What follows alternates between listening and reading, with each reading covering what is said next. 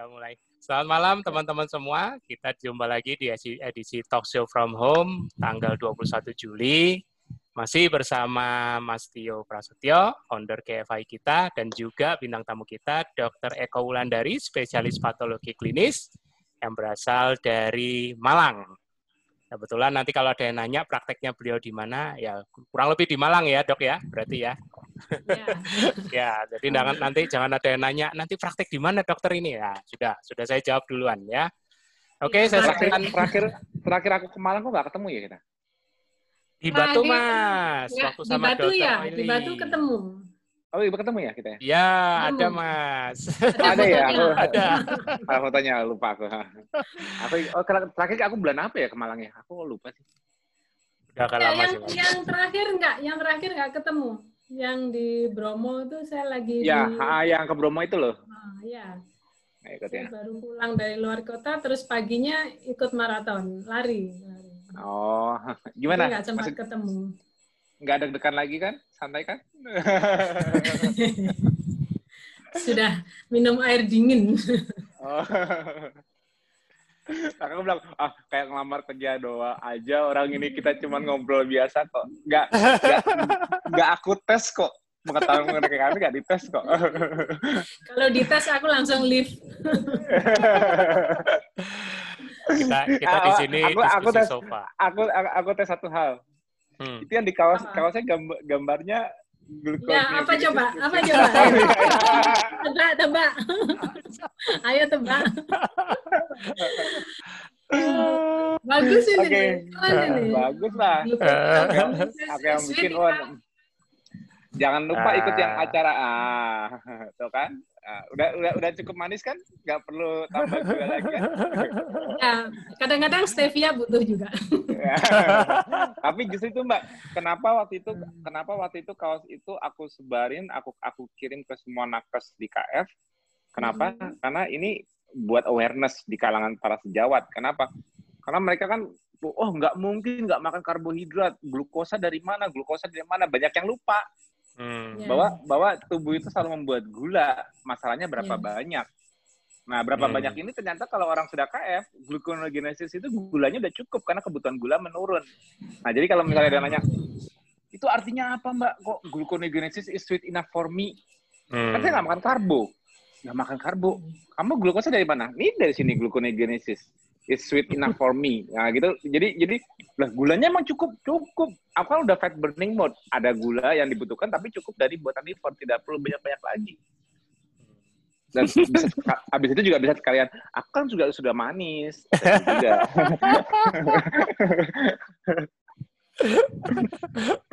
jadi itu ekspresif. Jadi setiap, latihan buat setiap, SMA ya Mas ya. jadi setiap setiap nakes uh, uh, yang pakai kaos itu sebenarnya secara nggak langsung juga memberikan awareness ke hmm. uh, tenaga kesehatan sejawat lainnya. Kalau misalnya agak heran dengan ini kok teman gue kok nggak makan karbo, apa nggak apa-apa? Benar nggak, hmm. Kan pasti kan teman-teman Mbak kan uh, di kalangan sejawatnya pasti kan suka heran sama sama lihat cara makan pola makan Mbak Bulan. Benar nggak? Iya. Ya. Mas oh, iya, kedengeran nggak ya? Suaraku kedengeran, kedengeran ya? Kedengeran, kedengeran. Iya. Ya, ya. dulu di awal-awalnya emang begitu sih. Tapi sekarang mereka kayaknya udah paham aja, cuman nggak mau ikut gitu. Nah, udah. sekarang mumpung mumpung sekalian ini lanjut uh, sekalian langsung cerita uh, mengenai pengalaman dari dari dari selama mulai awal mulai itu bagaimana, karena apa dulu mulai, pengalamannya apa saja, terus apa namanya?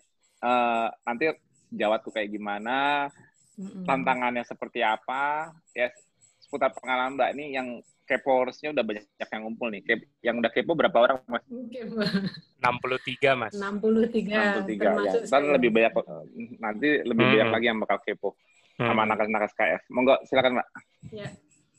Terima kasih waktunya. Selamat malam untuk semua warrior yang sudah ada bergabung di sini. Terima kasih sekali saya diberi kesempatan untuk uh, bisa bergabung di acara Talk Show from Home. Uh, saya jujur nggak semua TFH saya ikuti. Uh, minta maaf karena banyak juga acara-acara Zoom meeting yang mesti diikutin. Uh, terima yang paling penting, Mbak. Tapi ya untung ada ininya ya, ada ada linknya saya bisa anu bisa ya arsipnya ikuti ada secara kok. offline ya. Hmm, hmm, boleh. Jadi saya boleh nih cerita ya awal mula ya, uh, saya kenal dengan ketofastosis itu sebenarnya nggak uh, ada hujan, nggak ada angin. Hmm. Dalam satu hari, satu hari saya bertemu dengan seorang sahabat yang sudah lama sekali nggak ketemu. Nah kemudian kami bicara Eh, salah satu pembicaraan kami adalah tentang kakak saya yang sedang sakit kanker. Hmm. Kanker laring, kanker pita suara. Nah, kemudian teman saya uh, waktu itu kakak memang udah end state, end state di mana dokter-dokter yang merawatnya semua udah angkat tangan lah ya. Semua moda terapi kita sudah jalankan, tapi tidak ada hasil yang seperti yang kami harapkan, malah makin jelek, makin jelek. Kemudian uh, teman saya mengatakan, coba aja diketuin gitu. Mas Indro itu pakai ketun. Apa itu? Uh, dia bilang itu adalah um, ya seperti pada umumnya orang menceritakan ketu ya. Pokoknya kita nggak makan karbo gitu. Hmm. Nah, saya waktu itu langsung klik karena beberapa minggu terakhir saya melihat kondisi kakak saya kebetulan kan dirawat di Malang jadi saya tahu persis bagaimana perjalanan uh, penyakitnya jadi setiap kali mau kemo, itu kondisi kakak saya pasti harus dibenerin dulu. Padahal kemonya tuh harusnya kan selisihnya dua minggu gitu ya. Nanti kalau sudah masuk waktunya dua minggu, harusnya langsung di kemo, dia harus perbaikan keadaan umum dulu sampai paling nggak seminggu. Kem, uh, jadi di infus dengan albumin sampai berlabu-labu. Itu pun nanti setelah uh, kemo selesai akan turun lagi, jadi tinggal 2, 3, Albuminnya ya? Albuminnya ya, albumin ya. dan itu itu sangat tidak baik gitu ya. ya. Albumin segitu itu saya berpikir ke mana ya albumin itu gitu. Ke mana? Tapi tapi waktu sebelum itu udah ada asites juga kan? Berarti udah muncul. Enggak, ada, ada asites, enggak ada.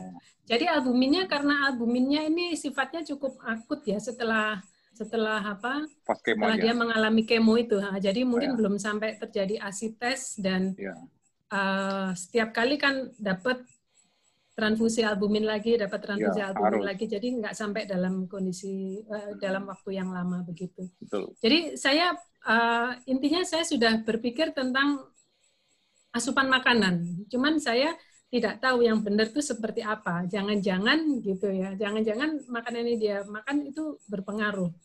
Nah begitu teman saya ngomong secara tegas tentang makanan, jangan kasih karbo tapi makan lemak saya langsung klik aja. Saya pikir ini harus dicoba begitu. Jadi sebelum saya pulang, saya mampir ke toko Carrefour. Saya belanja di situ. Saya tanya ini apa uh, minyak ya, kemudian keju iya, daging iya, telur iya. Ini semua pokoknya yang berlemak berlemak hewani saya beli semua. Kemudian hmm, waktu itu saya konsultasinya pertama dengan Mbak Berna, dengan Mbak Bernadette, Bernadetta. Hmm. Kemudian diajari cara membuat makanannya. Saya belum baca itu, belum baca protokol segala macam. Pokoknya intinya kakak saya harus begini, begini, begini. Jadi dalam satu hari dia harus makan 500 setengah setengah kilo makanan. Jadi uh, karena kakak saya sudah nggak bisa makan juga, jadi makanan harus dimasukkan lewat lubang di leher itu makanan harus uh, saya rebus kemudian di blender kemudian dimasukkan. Dan itu isinya adalah non karbo dan high fat. Dan luar biasanya puji Tuhan sehari dua hari belum terjadi apa-apa. Setelah hari ketiga itu uh, tumor minta maaf ya kalian tumornya ada sebenarnya ada di dalam leher tapi dia karena sudah advance ya udah lanjut dia Eh, keluar, keluar jadi kelihatan di, di leher segini, kira-kira ukuran 10 kali 5 begitulah dengan ketebalan 3 cm. Nah, itu seperti bunga kol, seperti bunga kol kalau Anda lihat. Nah, setelah dia uh, menjalani KF itu, keto itu, uh, satu minggu, itu bagian tengahnya udah mulai jeglong, udah mulai apa itu, apa tuh jeglong ya Mas? Nah, aku cuma lagi belajar nih. uh, uh, dia masuk ke dalam gitu ya, kayak ketarik ke dalam gitu ya Oh bagian iya, tengahnya. iya, mengerucut ya. Apa tuh mas? Apa Anjlok. mas? Anjlok. Saya Nah, nggak itu ambles. Ambles. Ambles ya, Ambles. ambles. Amblesnya itu setiap hari makin dalam, makin dalam, makin dalam. Itu mulai dari satu minggu pertama. Eh, setelah satu minggu pertama. Kemudian minggu kedua tambah dan luar biasanya di hari ke setelah minggu kedua itu tumor yang ada di luar itu em, apa masih masih nampak tapi dia kelihatan mati. Mati dan menipis menipis begitu. Ya. kemudian luar biasanya lagi masuk minggu ketiga hilang. Bersih maksudnya ya eh, seperti kulit yang kita habis luka kemudian sembuh gitu ya Ya. kalau di ba- bahasa kedokterannya kita bilang tuh kruste jadi sisa luka gitu kalau kita luka kan pasti ada kulit mati yang keriput-keriput yang kita angkat itu kan Iya, betul. Nah itu jadi seperti itu bayangkan dengan dari ukuran yang Berapa segitu berapa hari tuh? gedenya. Berapa hari tadi? Eh, Tiga minggu, sekitar Tiga tiga minggu. Nah tapi begitu tumornya hilang, minta maaf, itu ternyata di bawah masa tumor itu ada lubang, lubang yang jadi di bawah lubang yang memang dibuat oleh dokter untuk dia bernafas dan masukkan makanan itu ada lubang yang dibuat oleh sel oleh sel-sel tumor itu sendiri. Dan itu saya kaget sekali ternyata seperti itu ya. Jadi sel kanker itu merusak jaringan. Hmm. tubuh kita tuh seperti itu betul-betul dimakan. Gitu. Iya. Dan eh, meskipun secara fisik yang kelihatan di luar itu membaik seperti itu, tapi memang eh, secara keseluruhan kakak saya emang secara metabolik apa dia udah udah ini sekali udah nggak bisa tertolong. Tiga minggu persis setelah dia menjalankan ketofastosis kakak saya meninggal. Tapi semua keluarga melihat keajaiban itu bahwa kok sel tumor eh, kanker yang segitu gedenya itu hanya dalam waktu tiga minggu dengan tidak memakan karbo itu bisa hilang. Jadi meskipun Inflamasinya juga turun nggak? Inflamasinya turun nggak? Maksudnya rasa sakitnya meradangnya turun semua nggak? eh, rasa sakitnya karena kakak saya nggak bisa ngomong sudah Oh, tidak bisa bisa. ngomong Oh, iya. lagi tapi dia bisa dia memang kelihatan lemes banget ya dan kelihatan lemes dan karena dia juga sudah tidak bisa uh, aktivitas fisik jadi kita juga tidak bisa paksa dia untuk olahraga seperti itu Iya, iya. pokoknya lima pilar itu kita nggak bisa jalankan Hmm. hanya melalui puasa dan makanannya saja Hmm. Eh, itu kalau dari rasa sakitnya itu kan kakak saya misalnya sakit eh, levelnya 0 sampai 10 dia di 10 mungkin ya setiap hari itu. Hmm. Dan ha, pada saat dia ketofastosis tuh kayaknya juga em, dia nggak ngomong sih, tapi kita pokoknya kita kasih obat. Kayaknya sih masih kesakitan mas. Jadi mungkin inflamasinya juga Masih, masih banyak. Saya rasa juga mungkin di awal-awal itu masih detox ya, karena dia Ya. dan saya minta maaf sering diare yang hitam Ya, betul. hitam dan Ah, sur sur sur itu sampai sampai Hmm. yang eh, banyak sekali. Jadi karena Hmm. saya pikir karena itu sebenarnya detox dia eh, tubuh Betul. mengeluarkan obat-obat Macam-macam. kemonya, Ya, ya, ya. kemudian obat-obat yang dia minum setiap hari itu kan banyak banget Hmm. saya tuh sampai seperti orang apa jualan obat itu kalau nyusun ininya dia obat-obatannya dia itu. Jadi saya pikir itu detoxnya itu sampai satu minggu penuh mungkin dan em, tapi kakak saya ya karena dia nggak bisa mengeluh juga ya jadi dia Hmm. pasrah dalam kondisi Iya. pasrah mungkin karena kondisi pasrah dia nggak bisa melawan nggak bisa apa akhirnya sebenarnya efektif jadi sel-sel kanker tuh betul-betul kelaparan dan mati gitu loh, Iya. tanpa uh, tanpa makanan sekian lama itu Hmm. Tapi saya tidak tahu yang di uh, sel yang di dalam seperti apa, tapi yang jelas yang di luar yang sebegitu besarnya hanya dalam waktu tiga minggu itu uh, mengecil, mengelup, mati dan mengelupas itu. Nah dari situ dari sejak hari pertama Mbak Berna juga bilang seba, saya sebagai uh, sebagai apa pendamping saya juga harus menjalani ketofastosis. Nah kebetulan waktu itu berat badan saya sudah berlebih ya 67 kilo dengan tinggi 160 saya rasa udah berat banget dan saya sudah berkali-kali sebenarnya mencoba untuk menurunkan berat badan tapi tidak pernah berhasil karena tidak pernah serius. Nah tapi begitu saya hari pertama, hari kedua ikut kakak, ikut pola makan kakak saya, baru hari kedua, ketiga saya sudah merasa sangat enteng gitu, sangat ringan dan tidak ada keluhan apa pun waktu memulai. Jadi setelah kakak saya tidak ada pun saya melanjutkan ketofastosis itu sampai sekarang, puji Tuhan.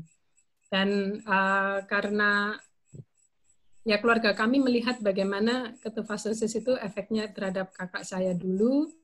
Akhirnya kakak saya kan udah sepuh-sepuh ya, ada yang udah 67, 65 tahun.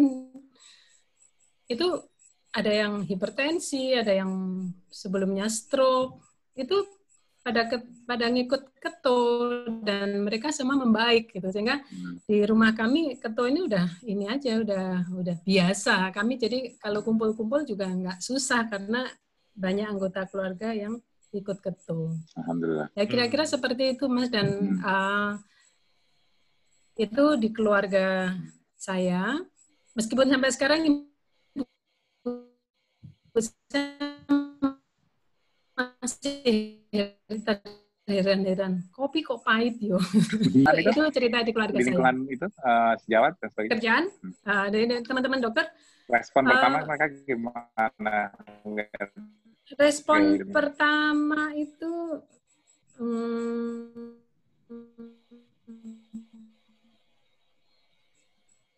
saya punya apa-apa dan saya rasa bagus itu saya pokoknya ngotot dulu ini bagus yeah. ini bagus buat saya. Tapi dengar dengar kata keto nggak ada yang nakut nakutin. Uh, Awas bahaya loh. Saya kok uh, sepertinya saya tidak terlalu tidak terlalu mendapatkan perlawanan karena mereka melihat sendiri mungkin saya jadi jadi Berubah, ya. langsing, kemudian oh saya jadi tambah kayak bola bekel gitu ke sana kemari. jadi aktif fisiknya. Uh, ya, apalagi setelah satu tahun tuh saya mencoba ikut lari meskipun yang cuma 10 kilo dan bisa jadi finisher terus kemudian rutin ikut itu. Jadi teman-teman melihat iya ya kayaknya beneran ya bulan itu jadi sehat. Dulu kalau naik tangga itu kan pelan-pelan gitu mas karena ada masalah di sendi lutut. Sekarang malah ikut lari gitu lari 10 kilo dan bisa jadi finisher begitu kan. Itu juga mungkin saya tidak harus banyak ngomong tapi akhirnya mereka juga ngelihat juga. Dan hari ini ada satu teman yang uh, teman dokter yang sangat genut, gemuk banget dan saya kita kami pikir dia uh, kena terinfeksi COVID ya. Hmm. Tapi ternyata ya puji Tuhan ini tadi masih bisa nggak harus dimasukkan rumah sakit. Tapi ada beberapa teman di grup FK grup dokter angkatan saya ada yang nyeletuk anu Anda kayaknya harus menguruskan badan deh yang jadi uh, uh, mentornya semacam. Jadi teman-teman udah bisa menerima saya sebagai seorang ketor seperti itu. Dan sebenarnya ada beberapa sih yang yang mereka juga akhirnya ikut juga.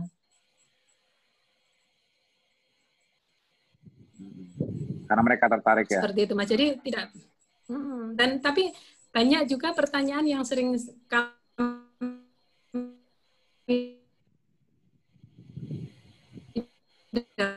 dapatkan saya dengan suami saya, loh sampai sekarang kenapa gitu? Karena kan ini sudah membuat kami sehat, membuat kami merasa punya apa ya semangat orang muda lagi gitu. Alhamdulillah.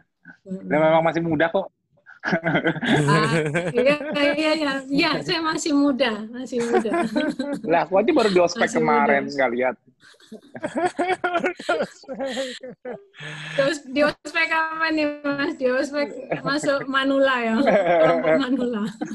Itulah orang KF, suhunya aja gak terima tua, apalagi warrior ya. Itu dia. Pada, pada gak pada gak ngaku tua. Terus oh iya Mbak katanya mau cerita hmm. yang mengenai itu, yang yang apa? Mengenai Suami. BPJS itu gimana? Oh iya iya iya. Uh, jadi uh, yang saya dan itu saya sangat bersyukur sekali karena berasal dari keluarga yang punya pabrik asam urat. Di mana itu merupakan suatu keturunan, eh, kelainan, kelainan yang diturunkan. Jadi secara genetik memang metabolisme asam uratnya itu nggak ber, nggak benar. Jadi selalu tinggi, selalu tinggi. Mau diet seperti apa pun dia akan tetap tinggi. Dan dampaknya adalah eh, salah satunya adalah menjadi batu ginjal. Kemudian ada yang kristalisasi di sendi-sendi. Dan karena eh, tidak bisa diatasi dengan diet, hanya dengan obat-obatan, dan obat-obatan itu pun juga terbatas kemampuannya menurut saya untuk kasus suami saya. Akhirnya beliau sampai sempat dioperasi batu ginjal itu tiga kali, tapi pokoknya naik operasi gara-gara batu di ginjal itu sampai empat kali gitu ya.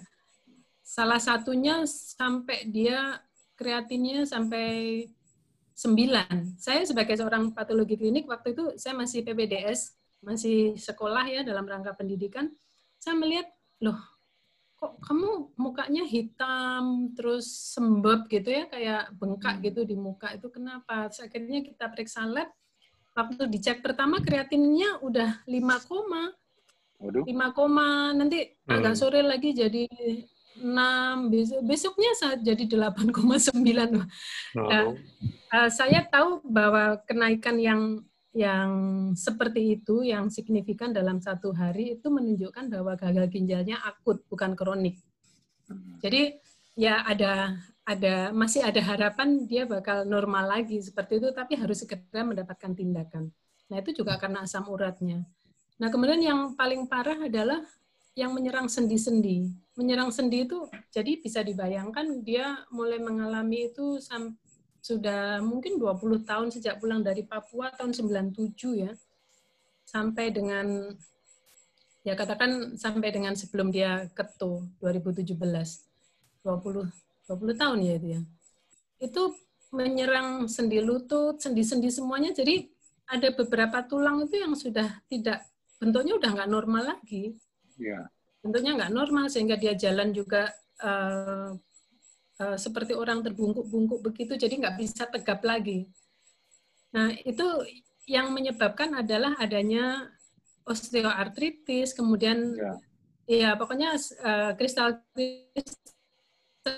asam urat yang ada di persendian-persendian itu menyebabkan inflamasi yang akhirnya uh, menyebabkan uh, apa penyembuhannya itu merangsang terbentuk bentuknya jaringan fibrotik.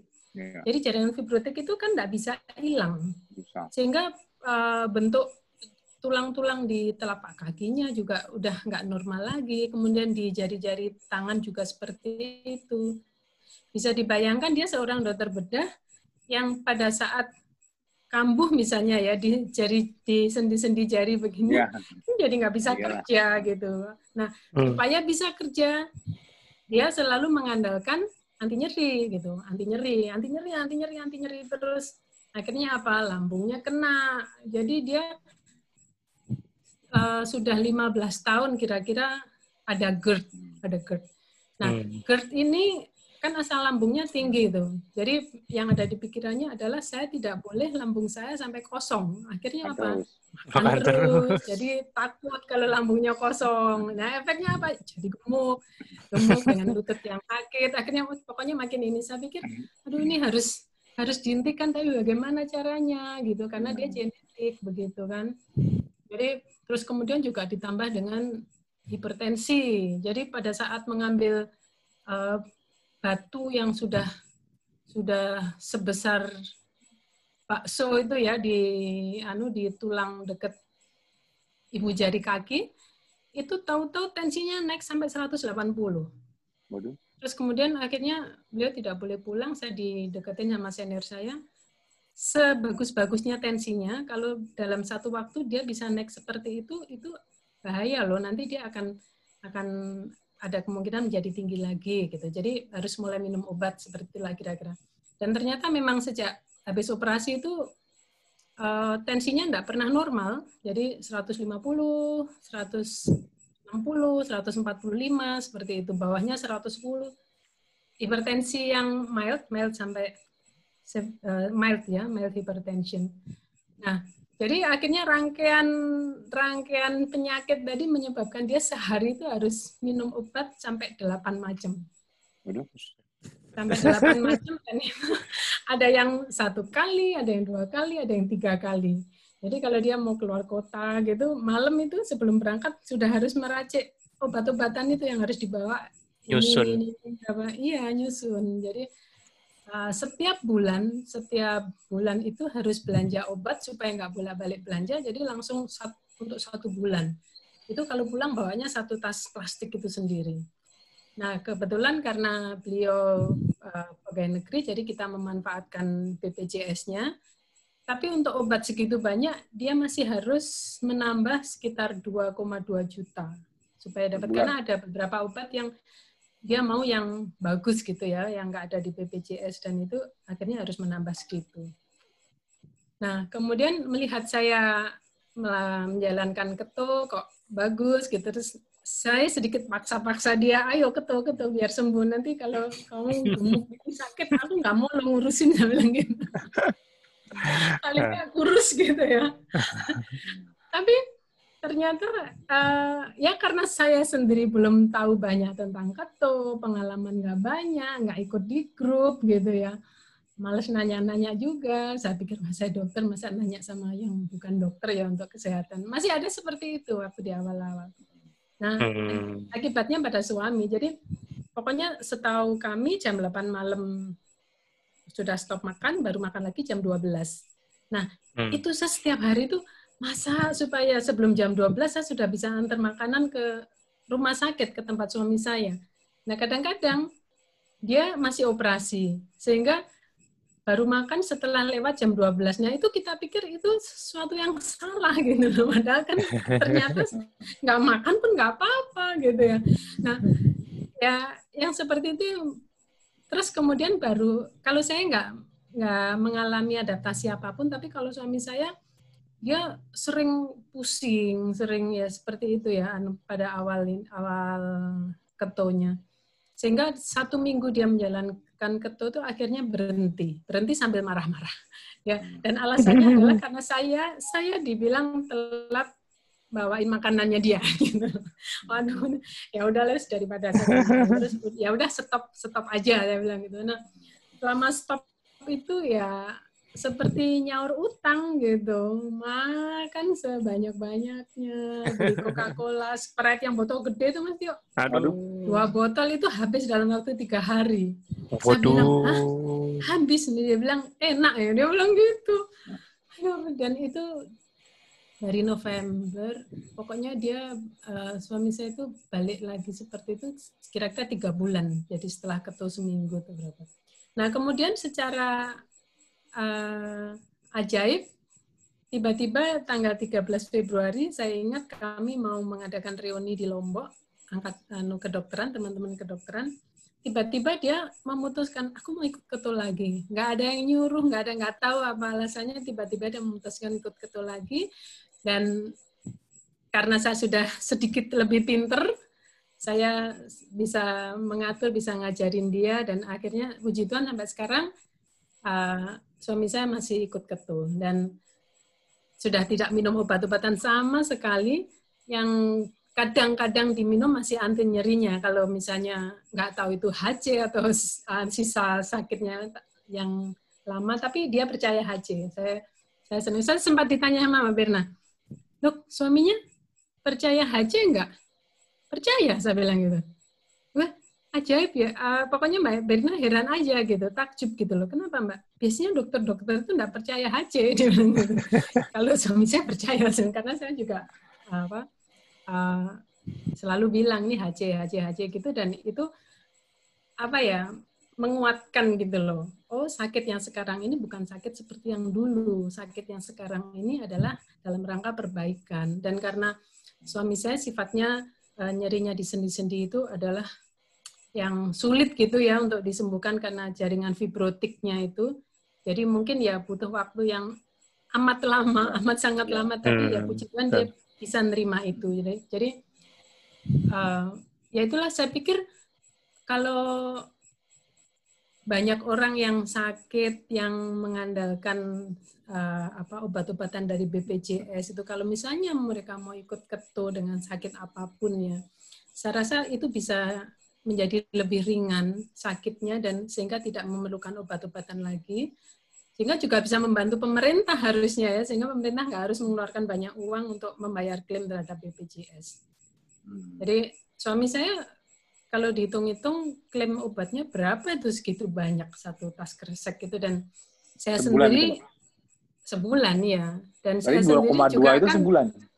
Iya, iya itu tambahnya Mas di luar BPJS. Di luar BPJS itu ya yang 2,2 buat saya dong. iya. Mendingan buat mendingan buat tabungan iya, aja. Iya. Kan orang bilang katanya ketua itu mahal ya. Ketua itu mahal ya. Kita waktu itu percaya begitu karena kita suka makan steak, suka makan apa ternyata enggak, enggak harus seperti itu. Karena sering juga kita nggak makan kan, kalau nggak makan kita nggak keluar uang juga. Jadi jadi anu waktu itu ya nabung buat beli baju baru pada saat baju kami udah pada kedodoran. Biayanya jadi gede di baju. Karena waktu masih turun 4 kilo, 5 kilo itu masih bisa dibawa ke penjahit bajunya, dikecilin. Tapi setelah turunnya 15 kilo, jelek. Jadi yang harus iya. penjahitnya bilang, saya mending bikin baju baru Bu daripada apa revisi-revisi seperti ini ya. Iya. Ya, sudah akhirnya ya terpaksa beli baju baru. Seru. Itu keluar para warrior. Uh, jadi uh, ya puji Tuhan sekali saya dulu saya itu termasuk dokter yang tidak suka minum obat juga tidak suka memberi obat kepada pasien tapi waktu itu saya pendekatannya kepada uh, makanan sehat minum vitamin seperti itu, Mas. Jadi lima pilar, ya lima pilar itu hanya dari uh, olahraga dan jenis makanannya saja mungkin dan tidur yang saya sampaikan kepada pasien. Tapi um, yang jelas saya tidak selalu menganjurkan untuk minum obat. Untuk diri saya sendiri apalagi kalau pusing saya tidur, minum kopi begitu. Nah, hmm. akhirnya waktu ketemu ketofastosis ini saya senang sekali kan tuh karena itu klik klik dengan apa yang selama ini sudah saya terapkan meskipun belum benar gitu. Jadi di mana kita bisa sehat kok tanpa obat itu seperti itu. Kalau saya punya prinsip kalau makanan bisa membuat kita uh, sehat, eh kalau maaf maaf, kalau yeah. makanan bisa membuat kita sorry sorry sorry kalau makanan bisa membuat kita sakit, pasti makanan juga bisa bikin kita sehat begitu. Jadi uh, saya punya prinsip seperti itu sehingga uh, dari sejak dulu dari sejak ya udah agak lama sebelum ketofastosis saya sudah memilih-milih makanan saya begitu. Hmm. Cuman ya ternyata belum benar begitu toh. Kemudian saya juga uh, ke pasien itu pasien-pasien diabetes ya, saya di lab kan kadang-kadang menerima konsul, konsultasi pasien-pasien untuk uh, menanyakan hasil lab mereka. Saya selalu katakan untuk pasien-pasien diabetes, hipertensi, saya bilang diabetes nggak bisa sembuh ya Bu, tapi bisa dikontrol. Ada kok itu banyak orang yang sampai usia 70 itu tetap sehat dengan diabetes, dengan minum obat, dengan kontrol ini. Kalau obat diabetes saya anggap ya nggak apa-apa lah harus supaya dia kualitas hidupnya bagus. Tapi sekarang dengan berani saya bilang meskipun dia sudah diabetesnya puluhan tahun ya, saya bilang Anda bisa sembuh.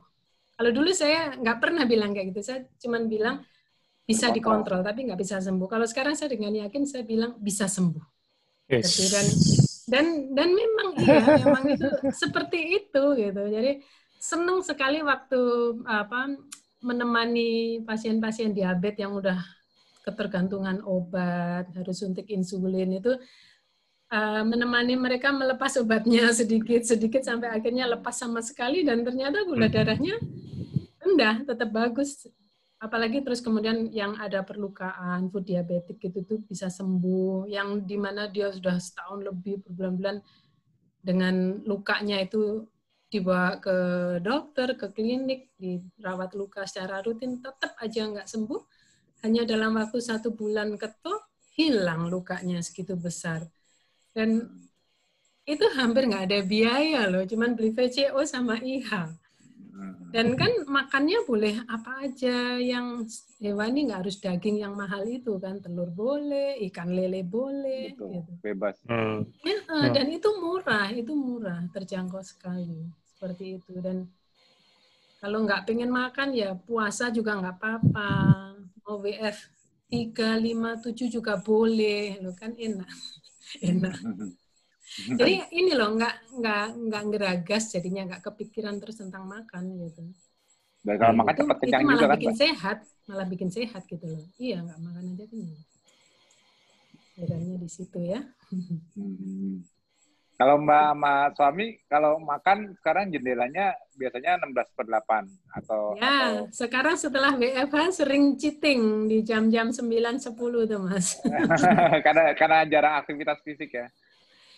Eh, sebenarnya saya memang sering bekerja di rumah karena eh, sifat kerjaan saya memang saya menerima konsultasi dari rumah tapi kadang-kadang ke rumah sakit kalau harus ada yang dilihat di mikroskop. Kalau di rumah sendiri jarang kepikiran untuk makan, tapi begitu ada temannya di rumah itu ada kacang ya, nggak ada kacang ya.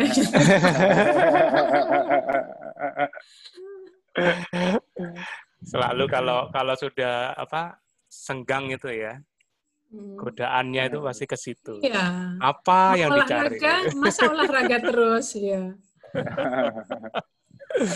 itu itu yang Mas Tio selalu bilang itu hedon. Jadi nggak ada Hmm. manusia yang nggak cari kenikmatan ya Mas ya. Ya, Even kalau di ya rumah. diambil.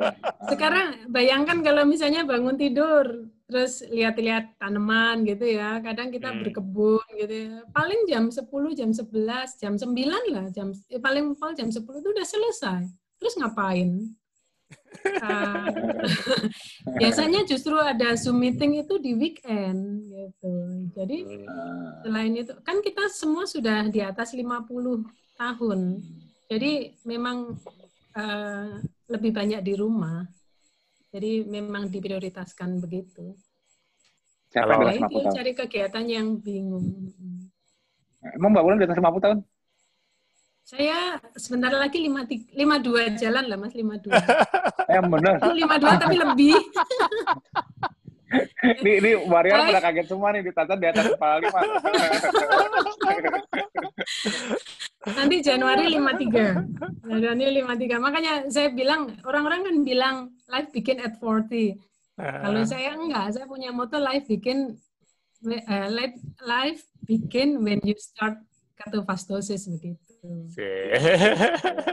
Jadi saya ya. punya anu juga, punya filosofi tentang awet muda juga. Awet muda itu bukan Hmm. masalah umur, Hmm. tapi masalah apa yang bisa kita lakukan di usia kita begitu. Betul. Jadi kalau kita masih bisa melakukan lari 10 km, 12 km, 13 km dan dapat medali finisher itu Hmm. awet muda buat saya.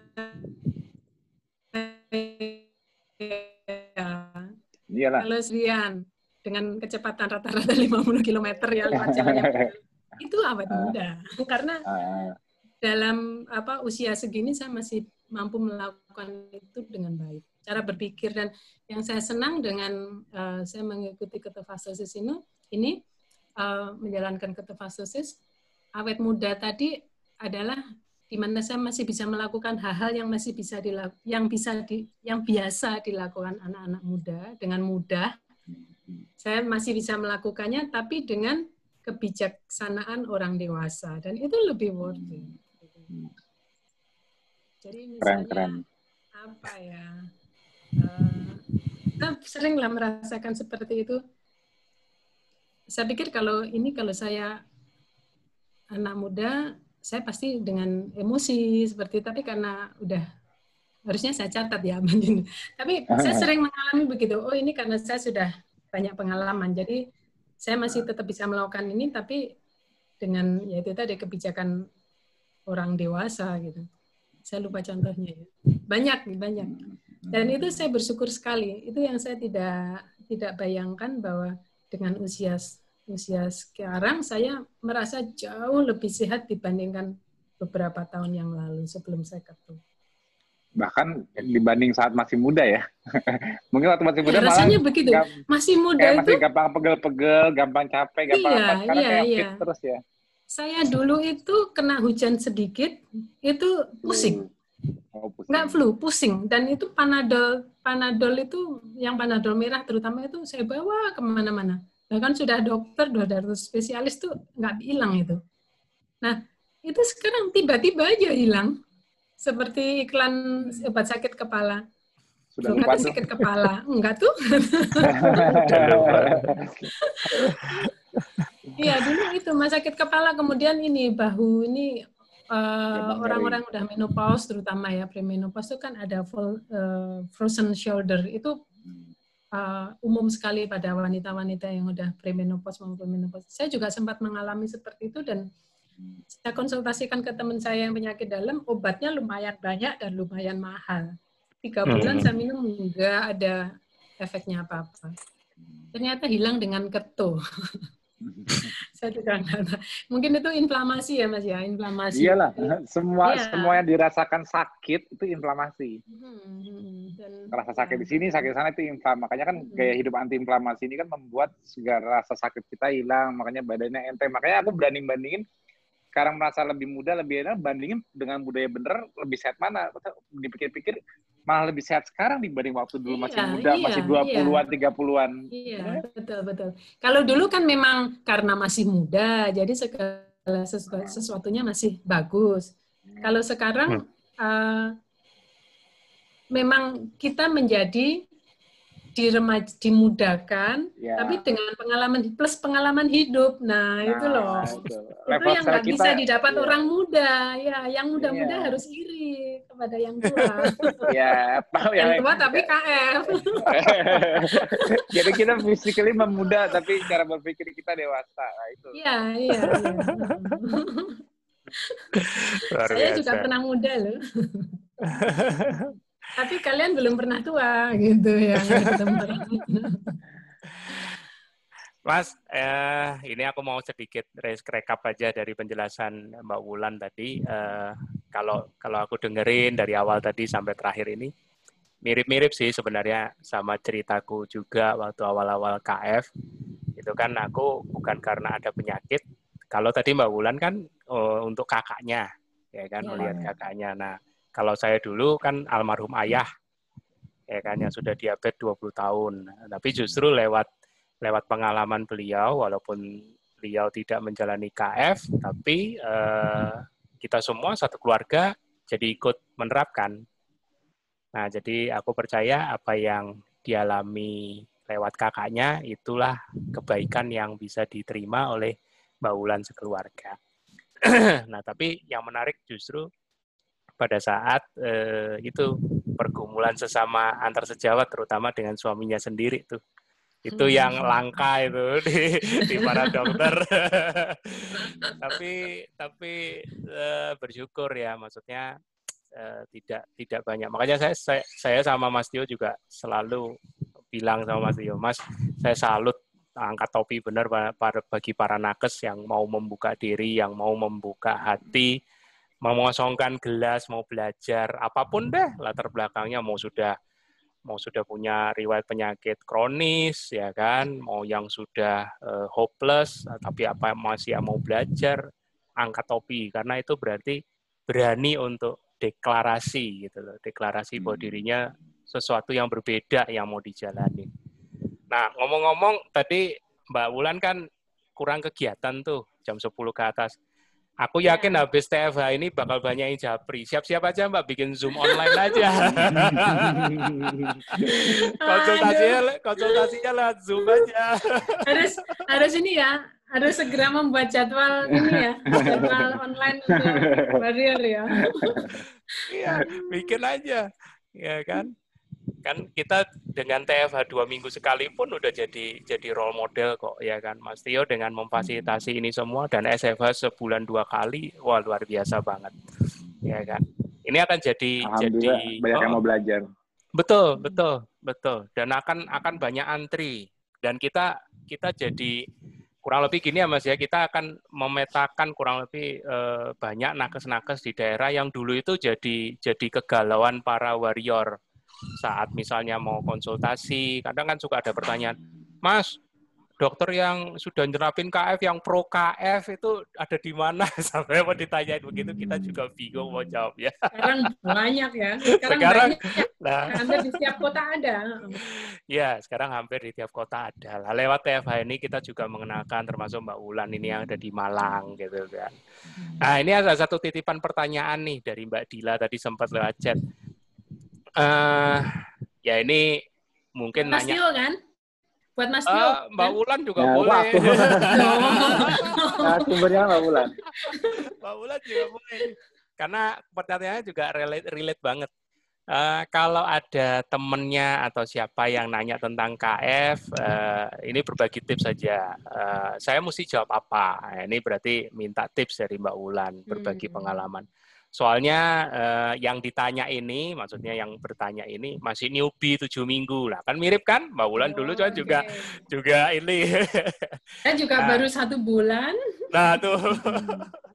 nah satu lagi kalau anak 8 tahun dengan koleli kolelitiasis batu empedu, oh. bisakah akan mengecil batunya dengan KF? Monggo, silakan Mbak Wulan.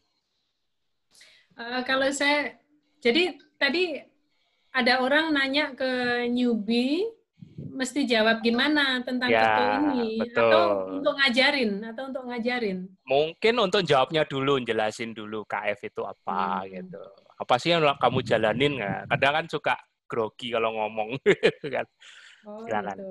Uh. Uh, gimana ya saya juga bingung hmm, kalau saya ditanya KF itu apa? KF itu adalah uh, gaya hidup yang tidak lagi menggunakan karbohidrat sebagai uh, sumber energinya gitu. Jadi kalau orang dijelaskan tentang sumber energi adalah karbohidrat itu kan udah umum, itu udah diajarkan ya. dari sejak kita SD kan. Hmm. hmm. Nah itu hmm. aja dibilang jadi kita nggak lagi pakai karbohidrat tapi pakai lemak begitu. Hmm. Nah terus jadi anunya apa konsekuensinya? Ya nggak makan karbo. Bisa nggak? Bisa. Kok hmm. bisa? Ya contohnya saya, gitu aja kalau. Nggak usah pajak-pajak ya. nah, makanya jadilah contoh yang baik, begitu. Maksudnya Mbak Ulat berarti perbanyak jam terbang. Kira-kira ya? begitu, Jangan begitu minggu. kan kira-kira jawabannya. Oke, yang Batu Empedu gimana dok? Ada ada pengalaman enggak mungkin uh, medis? Uh, kalau uh, kalau kolelitiasis saya pada anak-anak hmm, sebenarnya tidak.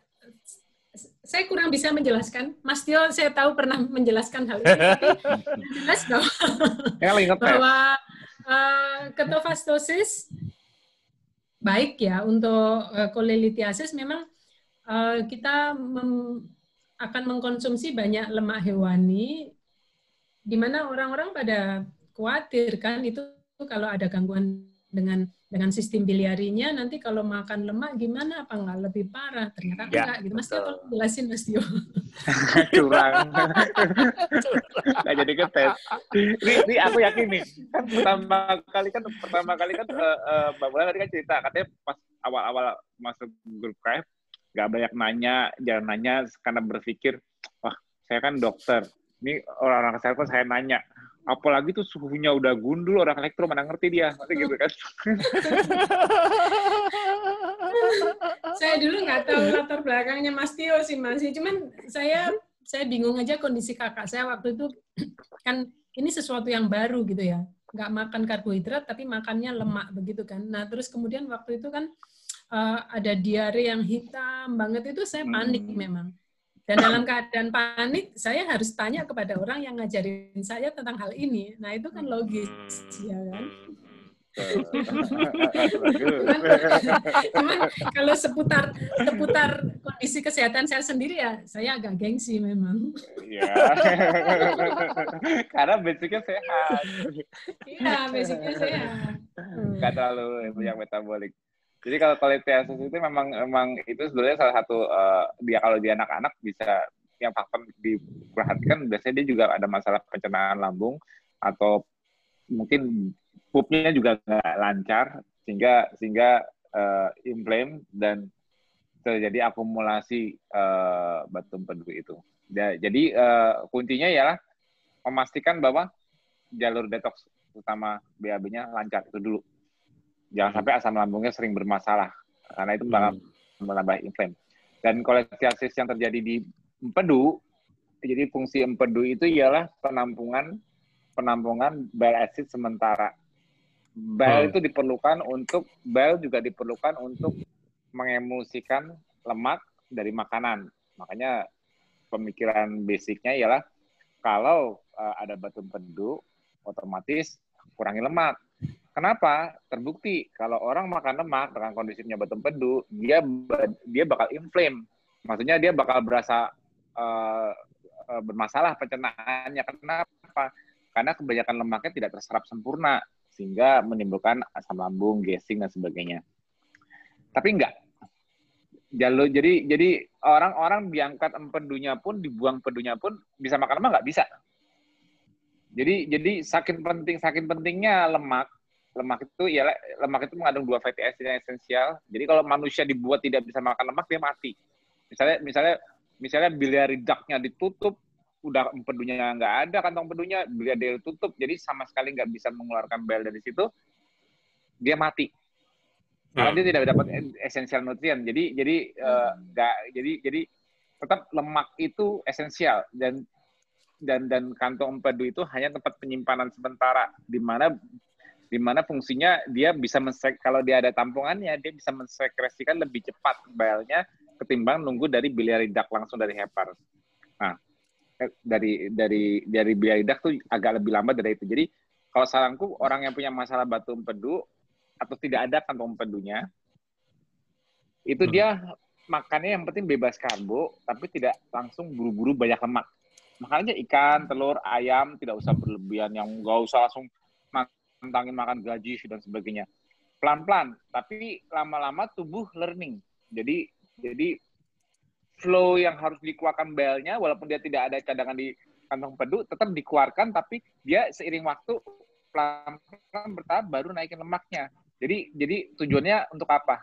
Untuk keep up kemampuan digesting lemaknya supaya nggak banyak yang ke bypass ke usus besar. Maksudnya tadi yang seperti aku cerita di awal kali dia aku datang digestion itu kita itu tidak sempurna. Salah satu ketidaksempurnaan itu kalau belnya kurang sekresinya sehingga penyerapan lemak tidak sempurna apalagi hmm. dia sudah tidak akan makan pedu. Tapi bukan berarti tidak bisa makan lemak dan dan dan hmm. nggak mungkin manusia nggak bisa Tuh. makan lemak.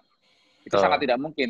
Ini ini aku refresh lagi. Itu sebenarnya udah sama. Tapi tapi kadang-kadang uh, dulu kayak contohnya cuka apel. Cuka apel itu juga bisa merangsang sekresi bile lebih cepat. Makanya aku kadang-kadang dulu menyarankan cuka bagi yang ada masalah tersebut minum cuka apel juga campur air itu sebelum makan. Jadi merangsang sekresi bile lebih dulu baru dia makan. Nanti jadi otomatis lemak di makanannya lebih mudah diemulsikan. Karena penyerapan lemak dari makanan, terutama bukan lemak rantai pendek ya, atau rantai medium. Lemak hmm. rata-rata lemak itu kan rantai panjang di atas hmm. di atas di atas C8. Maksudnya rantai karbonnya kan C12 ke atas. Rata-rata di makanan itu disebutnya triacylglycerol. Disebutnya triglyceride lah. Hmm. Itu kalau untuk diserap ke oleh usus itu dia harus uh, dicampur oleh bile dulu untuk membentuk yang disebut namanya Michel. Hmm. Nanti dari uh, dari nah, itu kan aku nggak pernah belajar tapi keinget mulu. karena belajarnya udah lama sudah dulu, dulu banget tapi karena karena nggak pernah ngapalin nggak ada yang juga ngerti banget jadi keluar kalau ditanya. Jadi fungsi hmm. Michel itu nanti nanti uh, apa namanya mempermudah uh, lipas Penyerapan. ya, hmm. ya enzim lipas untuk memotong uh, trigliserid tadi itu tri ya tri artinya tiga, tiga ikatan fatty acid pada gliserol ini untuk dipecah menjadi dua fatty acid dan satu monoasil gliserol MAG. Hmm. Jadi nggak nggak nggak nggak dilepas tiga-tiganya. Nggak dilepas tiga-tiganya kenapa? Kalau dilepas tiga-tiganya tinggal free fatty acid aja, begitu hmm. dia keserap di usus, nanti dia kan sedangkan kalau mau dikirim ke mana-mana harus pakai silomicron kan, Hilo, hmm. kan. Yeah. Nah itu itu harus dalam bentuk trigliserid lagi. Nah kalau harus dalam bentuk trigliserid lagi, berarti karena tadi udah sempat dilepas gliserolnya, otomatis dia harus bikin gliserol baru dong. Yeah. Kalau dia harus bikin gliserol baru, dia harus butuh gula dong. Iya. Yeah. Makanya dulu ingat nggak waktu di Facebook ada yang sempat kontra sama KF bilang, ah, di KF itu nggak bisa makan lemak tanpa karbohidrat. Gula dibutuhkan untuk makan lemak. Ah, maksudnya gimana gula kata dia membaca bilang dia dia uh, waktu kalau nggak salah dokter juga tuh yang posting atau hmm. atau ngomong gitu. Jadi dia bilang katanya karena trigliserid itu dibentuk oleh rantai gliserol oh berarti dia belajarnya itu baru sampai gimana triglyceride dipecah tapi tapi dia nggak tahu fisiologinya bahwa kalau sampai di usus penyerapan lemak itu kenapa karbohidrat tidak esensial kenapa kalau sampai lemak itu dipecahnya itu benar-benar jadi tiga free fatty acid dan satu dan satu glycerol itu karbohidrat baru resmi menjadi nutrisi mutlak. esensial mm -hmm. mutlak karena karena untuk menyerap nutrisi lemak nggak bisa tanpa glukosa. Selalu ada harus kebutuhan glukosa jadi bakal tinggi. Kenapa? Untuk ngirimnya ke mana-mana lagi dalam bentuk triglycerid harus dibantu buat gula lagi, terus. Buat hmm. lagi. Nggak make sense kan? Hmm. Makanya waktu itu aku, aku posting mengenai hal itu dan aku jelaskan bahwa uh, pemecahan pemecahannya. Nah, jadi fungsi fungsi yang kembali tadi lagi yang bile-nya itu fungsinya itu untuk mempermudah mengemulsikan supaya memudah lipas untuk memotong uh, rantai free fatty acid menjadi tiga monoasilgliserol dan dua free fatty acid dan di hmm. digabungkan kembali. Hmm. Nanti dalam prosesnya di enterocyte untuk dikemas, di packing menjadi chylomicron dan didistribusikan melalui jalur limfatik keluar dari thoracic hmm. duct baru ke sirkulasi hmm. darah. Itu prosesnya. Jadi jadi uh, yang bagi ada masalah kolesterol apa masalah batu empedu atau atau anggap aja secara fisiologinya lambat mengeluarkan asam pedunya tetap keluar cepat lambat Mm -hmm. ya, itu melatihnya itu ialah dengan cara apa? Pelan-pelan. Bertahap. Nah, nggak, nggak, kan kan inti dari KF sebetulnya kan nggak makan karbonya, nggak harus tinggi lemak. Ininya kan sumber hmm. hewani, makan ikan, telur, apa gitu loh. Karena kalau misalnya, Mas nanti kalau itu aku sering banyak pertanyaan juga nih. Mas kalau kita lemaknya kurang banyak karena misalnya anggap aja warrior ada yang ada newbie yang baru mau mau KF karena tapi saya nggak pernah makan lemak saya nggak suka lemak saya nggak bisa KF gitu. kenapa nggak bisa KF KF itu kan intinya nggak makan karbo yang penting low carb kalau saya nanti kurang lemak gimana? Saya kurang energi gimana? Itu body fatnya berapa persen? Body fatnya berapa? Aku aja 12 12 persen aja masih bisa puasa panjang. Ya kan? Masih bisa pakai lemak di badanku sendiri. Padahal eh. lemakku udah 12 persen udah tipis banget. Dan hmm. situ situ udah tirus pipinya. Perutnya udah udah six pack apa? Takut nggak kurang lemak. Emang di badan itu bukan lemak jadi jadi konsep konsep fat burning mode itu konsep, konsepnya itu ya konsep endosentrik bukan konsep makanya tadi Mbak Wulan bilang hmm. makanya Mbak Wulan bilang mau mau WF lah gampang kan gampang itu kenapa? Hmm. Karena kita fat burning mode. Kita bisa bakar lemak dari makanan, kita bisa bakar lemak dari badan. Nah, itu hmm. itu jadi jadi jadi no worries untuk merubah kita menjadi memiliki kemampuan membakar lemak, syaratnya cuma satu, basal insulin kita harus rendah. Supaya hmm. insulin kita rendah itu gimana? Ya nggak makan karbo. Hmm. Simple. Ya kan? Makanya makanya itu sebabnya kenapa karbo itu harus dihilangkan dari unsur di makanan supaya apa? Mempertahankan kemampuan kita untuk bisa bakar lemak. Hmm, ketosisnya Karena kalau, uh, kalau kita makan karbohidrat dan memicu basal insulin lebih tinggi, semua lemak diabaikan, gula diutamakan. Hmm. Dan dan nggak bisa ujuk-ujuk begitu kita uh, lepas karbo terus kita langsung bisa bakar lemak, butuh proses makanya berarti ada ada proses adaptasi. Makanya kan di awal kan kalau yang metabolismenya nggak bagus kan pasti ada gejala dulu, gejala withdrawalnya karbohidrat dari hmm. tubuhnya. Hmm. Gejala di mana dia ada keliangan, pusing-pusing, makanya kan Mbak Wulan kan sempat dimarahin karena uh, suami ada suami ya, metabolismenya memang memang nggak bagus uh, ya. jadi dia makanya kan makanya kan kenapa kenapa VCO VCO aku sarankan di awal itu kan tujuannya itu kan untuk membantu mempercepat pembuat ya. pembantuan uh, dia lebih cepat dibuat sebagai keton sehingga tidak mengalami neuroglikopenia dulu. Karena apa? Hmm. Orang yang punya metabolic isu dan rata-rata banyak juga orang yang merasa ah aku cuma gemuk doang, aku cuma sedikit montok, aku mau KF, aku merasa sehat. Nah, yang dia mereka bilang mereka sehat itu sebetulnya mereka sehat karena mereka di kondisi menganggap sehat itu sehat di kondisi mereka setelah makan. Makanya di KF hmm. itu kan sebetulnya kayak kayak kayak kayak pengetesan. Begitu orang KF hmm. apa? Mereka begitu skip sarapan, yang sebelumnya bilang sehat, baru mereka rasa nggak sehat. Nah, katanya kamu sebelumnya sehat. Begitu di KF kok baru muncul gejala-gejalanya, ya abis saya nggak boleh sarapan. Oh, berarti kemarin-kemarin kamu sehatnya gara-gara kamu sarapan dong. Ya kan? Nah, itu itu itu the big the big question yang selama ini banyak orang merasa sehat, tapi ternyata mereka taunya sehat kalau mereka selalu ada backup energinya. Yes. Selalu makan. Mereka nggak yang yang dibilang metabolisme sehat itu bukan metabolisme yang secara eksosentrik artinya makan baru merasa sehat. Enggak. Yang yang sehat itu ialah orang yang bisa menemukan keseimbangan kesehatannya di kondisi tanpa makanan. Artinya dia sudah bisa metabolismenya berarti bisa efisien, bisa hmm. mengakses gudangnya sendiri. Nah, bayangin yeah. orang-orang obesitas itu gudang lemaknya apa kurang banyak. Tapi justru hmm. mereka tidak bisa mengakses kembali gudangnya sebanyak itu. Karena mereka akhirnya mereka menjadi tambah obes-obes obes itu karena mereka selalu mengandalkan dari luar. Karena kalau mengurangi yang dari luar, dan dia tidak punya kemampuan akses gudang di dalam, otomatis mereka merasa nggak sehat. Jadi selama mereka tetap bisa makan terus, ya mereka selalu ngakunya, saya nggak punya masalah problem apa-apa kok Mas Tio. Saya sehat, nggak punya riwayat penyakit, nggak pernah ngecek ke dokter pula, saya merasa sehat kok. Saya cuma hmm. mau kurus doang. Ya udah, jalanin aja. Nah begitu jalanin, kalau yang pusing, mual-mual, muntah-muntah, lah kenapa? Karena saya nggak boleh makan. Nah, katanya kemarin katanya sehat. Ya, tapi kan sehatnya kalau itu puasa kamu gimana? Ya puasa kan saya sahur dulu, ada tenaga. oh, artinya sehat setelah makan. makan. Itu enggak. Ya, jadi jadi KF itu uh, mengetes kembali level kesehatan seseorang. Bener hmm. nggak sih mereka sehat? Metabolically ya, bener nggak sih mereka sehat? Kelihatan semua. Nah, hmm. setelah setelah setelah setelah menjalankan KF baru akhirnya mereka menemukan the true health itu ternyata di kondisi fasting. Hmm. Makanya kita merasa merasa merasa badannya lebih enteng apa-apa kenapa tanpa support apa pun dari luar badan kita merasa kayak lebih seger makanya Mbak Ulang kayak bola bekel walaupun badannya bukan kayak bola bekel tapi dianya kayak bola bekel loncat sana loncat sini karena karena aktif jadi jadi jadi jadi jadi jadi kayak kayak punya energi berlebih betul nggak mbak? Iya betul betul. betul. makanya makin makanya gerak makin nggak bisa berhenti. Itu dia makanya jadi jadi, kebakar terus. Nah itu artinya apa? Begitu kita memancing untuk buka kulkas, kulkasnya kebuka semua. Hmm. Jadi, jadi jadi jadi jadi selama ini kita hanya bisa mengakses kulkas dari luar, jadi kita harus buka kulkas. Sekarang kita dengan bergerak, kulkas kita di dalam kebuka semua. Makin banyak gerak, makin banjir keluar dari hmm. kulkas di dalam kita.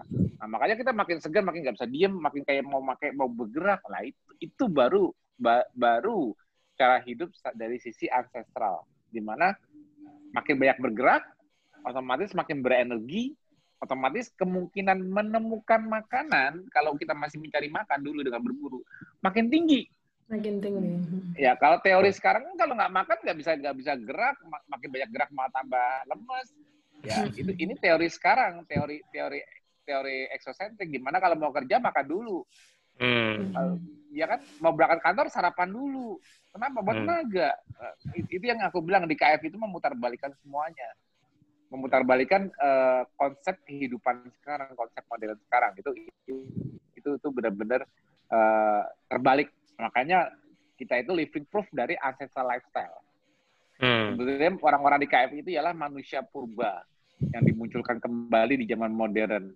Jadi kita sebetulnya uh, uh, uh, uh, kita di kita kita mengembalikan metabolisme yang sudah lama hilang di populasi manusia saat ini modern di mana populasi manusia di bumi saat ini ialah manusia yang selalu di, dikelilingi sebagian besar dikelilingi oleh makanan setiap saat.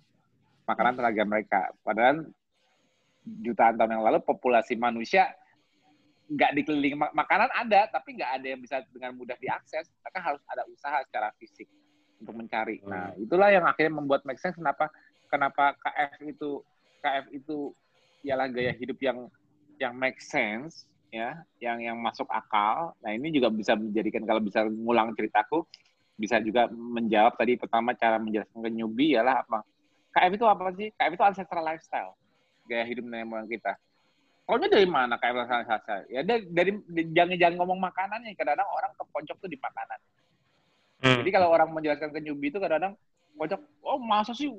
Bukannya kalau kita gaya hidup paling natural itu justru makan daun-daunan emang situ kambing apa? Makan daun emang kalau kalau kalau di hutan itu kita geragotin daun apa?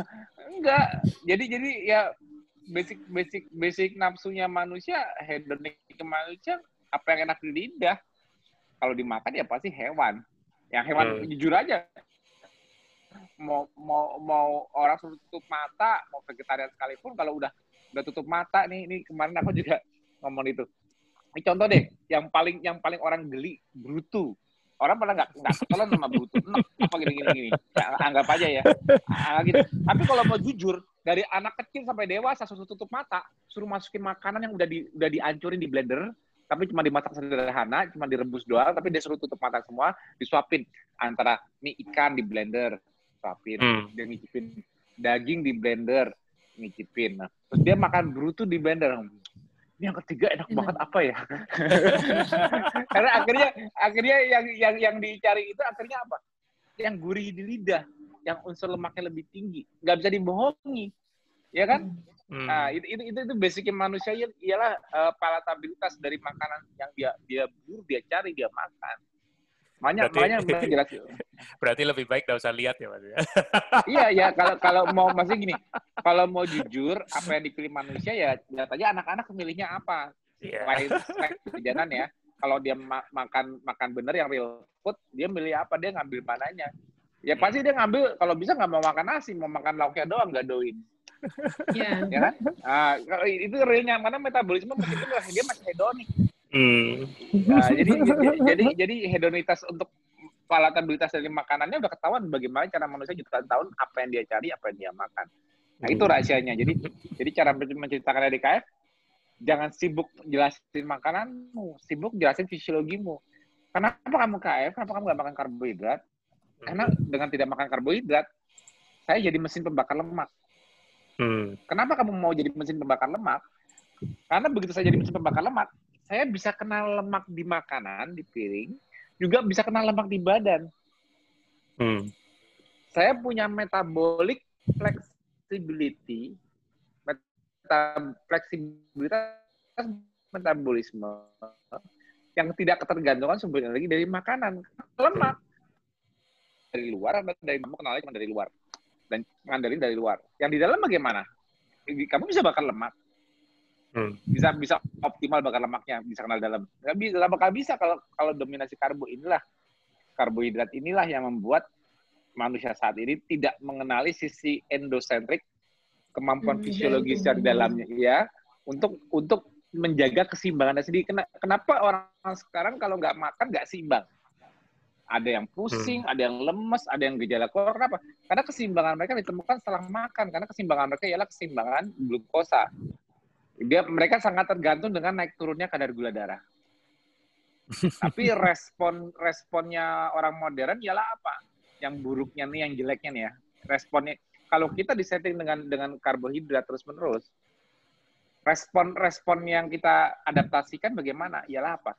Kalau kita hmm. gula darahnya akhirnya tinggi, kita kadang-kadang sering telat. Kenapa? Kenaikan gula darahnya itu sifatnya silent kalau kita sudah biasa makan karbohidrat. Betul nggak? Hmm. Hmm. Kadang-kadang banyak pasien yang nggak tahu dia diabetes, tahu-tahu dia datang-datang udah 200 dicek. Hmm. Udah 250. Nggak sadar. Tapi banyak orang yang nggak perlu sakit apa pun sekalipun, begitu gula darahnya 80 ke bawah udah kelingan, gemeter, lemes, lapar, man. Nah, hmm. itu Settingan, hmm. settingan manusia saat ini, settingan manusia saat ini ialah apa? sensitif dengan gula darah rendah. Artinya sensitif dengan telat makan. Hmm. Telat masukin karbo, sensitif bagi orang masa kini. Hmm. Tapi kalau makan kebanyakan, kelebihan karbo, makan gula Nando. kebanyakan, nggak ada yang sensitif. Nggak, tubuhnya dia nggak nggak tahu kalau dia kalau dia dia dia malah makanya kan banyak orang diabetes itu tiba-tiba ketahuannya udah telat, udah kronis. Kenapa? Hmm. Karena mereka nggak sadar saat mereka mengalami hiperglikemia terus-menerus. Kenapa? Iya. Karena silent, diem. Iya. Justru mereka kalau kalau mereka telat makan, gula darahnya drop, malah mereka diingetin lagi, alarmnya bunyi. Hmm. Maka mereka buru-buru makan lagi. Nah, makanya kan kayak waktu suaminya Mbak Ulan stop uh, KF itu kan kayak geragas lagi kayak balas dendam. Nah, jadi kayak kayak wah kayak kayak kayak gula, tapi dia nggak sadar bahwa bahwa badannya makin nggak enak. Sebetulnya dia berubah tiba-tiba itu ya karena karena selain mau ketemu uh, dia mau lebih ramping, tapi dia tahu pasti nggak pasti pasti masa badannya makin nggak enak. Karena Hmm. apa? Dia dia nggak enak tapi dia nggak sadar. Nah, karena karena sifat diabetes yang silent tadi itu. Nah, Hmm. yang Hmm. menuju menuju sindrom metabolik itu rata-rata silent. Nah, Hmm. tapi kalau di kalau orang sudah memiliki metabolisme ketosis seperti Hmm. kita fat burning mode ya, artinya apa? Kita mengembalikan menge- membalikan kesensitifan kita. Tadinya kita bersifat eksosentrik, ekso itu exogenous dari luar kita mengandalkan apa pun dari luar. Sekarang kita bisa kembali eh, memiliki metabolisme endosentrik. Artinya apa?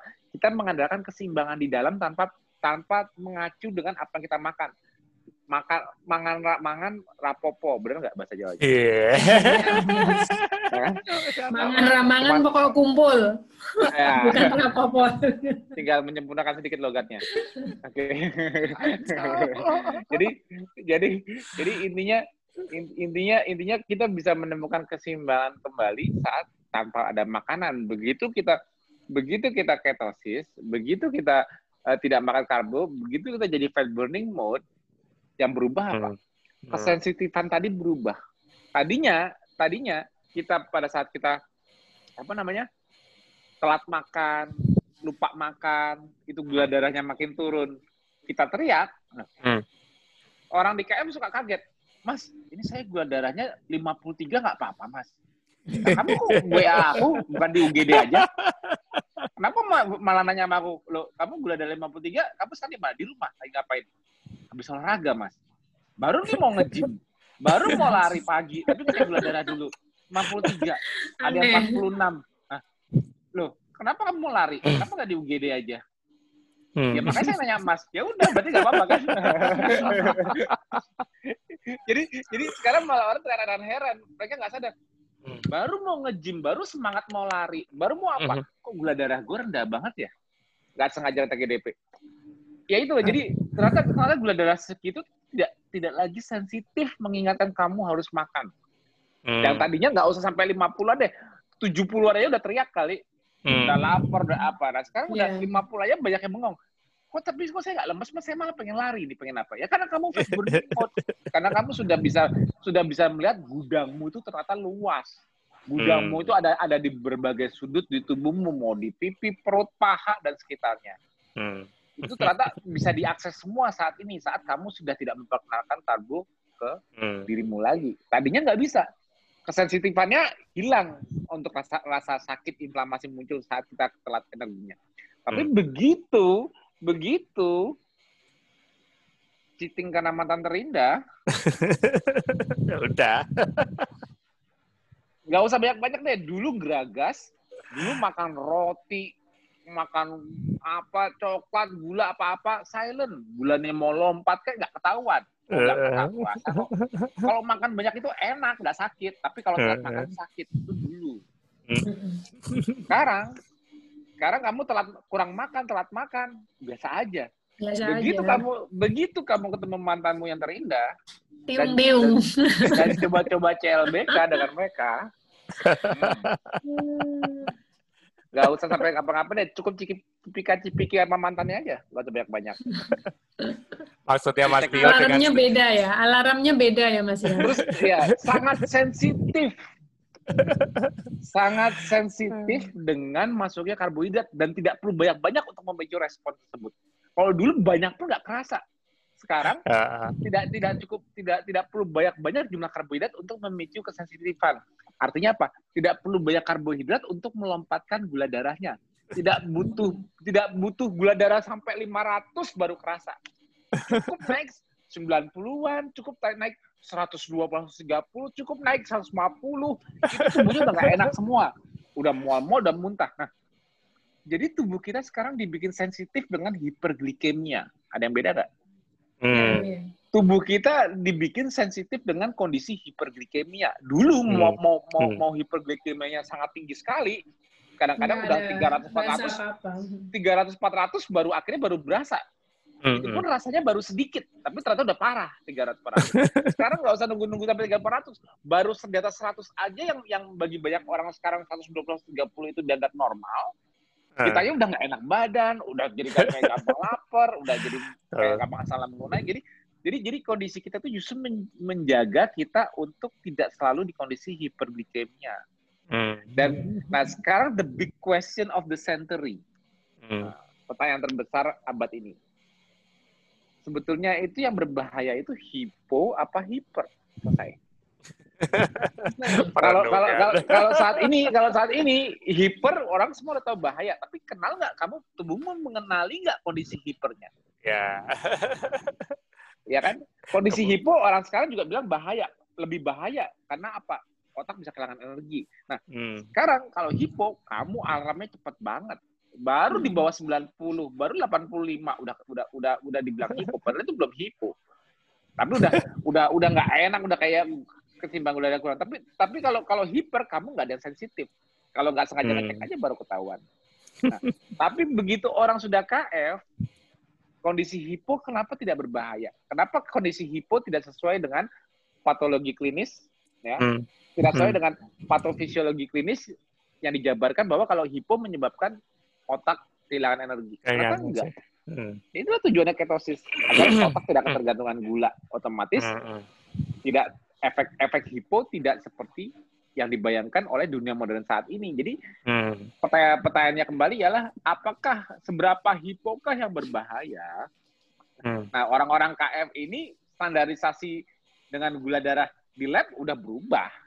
Nggak bisa dijadikan acuan. Yang Hmm. pasti sih mungkin kita tidak mungkin sampai di bawah 30, nggak mungkin. Karena kita kan masih punya gluconeogenesis. Tuh, kaosnya Mbak Wulan. Gluconeogenesis masih bikin gula. Kan nggak mungkin gula kita nol kan? Iya. Bener kan? Gula nggak mungkin nol. Jadi, Eh. jadi nggak mungkin kita sampai di bawah 30. Tapi, tapi whatever the range, itu Hmm. biasanya kita tidak merasakan gejala kecuali kita Ya. kita punya problem metabolik. Nah, tapi begitu kita mau cheating dengan mantan terindah, selesai. Tidak perlu nunggu gulanya sampai 200 300, 120 130 140 karena akibat cheating yang tidak banyak karbohidratnya kamu langsung diingatkan. Kenapa? karena memang yang betul itu untuk sehat kita tidak boleh hiper, bukan tidak boleh hipo. Hmm. Yang mempercepat kita agingnya lebih cepat, akselerasi aging, Hmm. yang penuaan lebih dini itu kan Hmm. the mother of disease-nya siapa yang orang suka bilang diabetes kan Hmm. diabetes itu kondisi apa hiperglikemia Hiper. kan Betul. nah ya udah berarti hiperglikemia itu ialah kondisi yang seharusnya manusia sekarang itu memiliki kesensitifan untuk mengetahui sendiri bahwa pada saat dia hiper dia sakit masalahnya Hmm. sekarang orang pada saat hiper nggak ada yang sakit Ya. orang-orang yang sekarang pada hiperglikemia gula darah 200 300 itu karena apa? Mereka lagi menikmati pizza donat lagi makan sprit berapa botol tadi mbak? Spritnya mbak tiga botol, Nah, botol tiga hari. dua botol tiga hari. Itu mereka dalam kondisi nikmat. Enak. Semua enak kok. Enak. enak. Nah, tapi tapi tapi apakah itu kondisi yang bagus hiper? Nah itu. Jadi per- Hmm. pertanyakan kembali ke dunia mod- ke settingan dunia modern ini. Yang jelek itu hipo apa hiper? Hmm. akhirnya nanti tahu kalau hiper kenapa kamu mau KF terus sebagai gaya hidup supaya tubuhku juga selalu sensitif dengan kondisi hiper supaya tubuhku mengingatkan kalau aku makan yang salah Hmm. ya kan sekarang dengan KF kamu makan salah diingetin nggak Ya. diingetin sebelum KF kamu makan mau jorok kayak mau berantakan nggak ada yang ngingetin mau lemaknya tinggi mau gulanya tinggi mau enak kok sekarang sekarang tubuhnya disetting untuk mengingatkan bahwa tubuhnya tidak suka lagi dengan namanya hiperglikemia. Itu Hmm. rahasianya. Ada pesan tersirat tuh dari Mas Tio. Jadi kalau kalau ngalamin CLBK sama mantan terus muncul reaksi, jangan japri. jangan japri Mas. Kenapa saya? Tapi kadang-kadang japrian karena cheating itu ya uh, perlu didampingin juga gitu loh. Iya, Jadi dikembalikan mungkin, ke jalan ya, yang benar. namanya manusia memang. ya, Ma- oh, itu manusiawi sekali. Jadi ya karena udah jadi warrior juga, jadi belas kasihannya jadi tinggi. Gitu. Iya. jadi akhirnya menerima juga gitu jabrian-jabrian karena akibat cheating. betul, betul, betul. Memang memang di kondisi kayak gini ya, di mana uh, masih pandemi, di komorbid seperti hipertensi, hmm. diabetes itu kan jadi penyumbang faktor penyumbang terbesar. Nah ini ngomong-ngomong tentang diabetes kan tadi sempat disinggung berapa kali.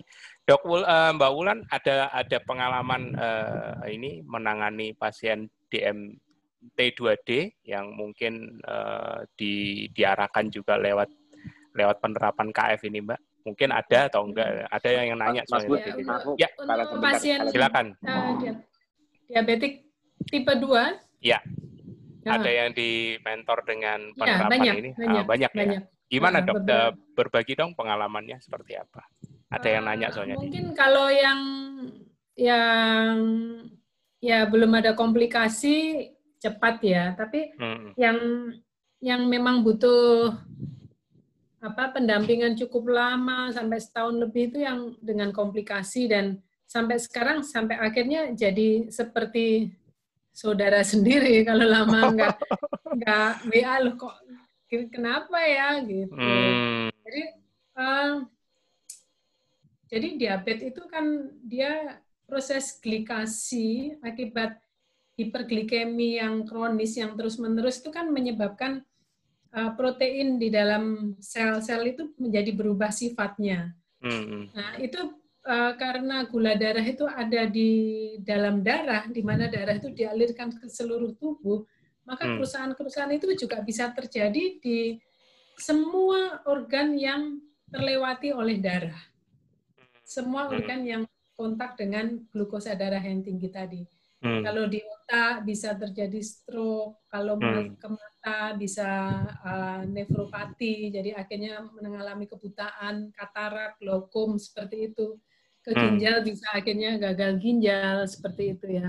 Hmm. Nah, uh, kemudian ke pembuluh darah perifer itu bisa menyebabkan diabetic foot mungkin jadi luka yang nggak sembuh-sembuh seperti itu. Hmm. Itu hmm. itu mungkin kalau luka aja mungkin nggak terlalu berat, tapi kalau lukanya nggak sembuh-sembuh itu akan mengurangi kualitas hidup pasti. Apalagi kalau luka itu um, makin lama makin melebar bukannya sembuh yeah, tapi makin betul, karena betul. yang pengalaman saya saya saya izin kepada teman warrior yang yang akan saya ceritakan ini jadi beliau memang uh, seorang survivor sea mama kemudian mm -hmm. juga dengan dia dengan uh, diabetic foot yang cukup parah mm, okay. jadi di ya dari sebatas di bawah lutut sampai dengan ke bawah itu udah ini sekali udah udah nggak ada kulitnya udah nggak ada Aduh. kulitnya jadi hmm. pertama datang kondisinya seperti itu dan itu sudah di sudah sudah berobat secara rutin kemudian hmm. juga sudah rawat luka seminggu dua kali kalau nggak salah ke klinik seperti itu hmm. uh, saya saya lupa ya detailnya berapa lama yang jelas lama berbulan-bulan mungkin setahun lebih nah hmm. kemudian uh, ya mungkin bukan kebetulan ya semua udah di ini hmm. uh, japri saya dan ya udah saya saya bantu saya dampingi dan hmm. Hmm. saya pokoknya syaratnya cuman ada niat satu dua hmm. manut udah itu aja. Kalau nggak manut ya sudah terserah gitu ya. Hmm. supaya kita sendiri kortisolnya juga nggak naik kan?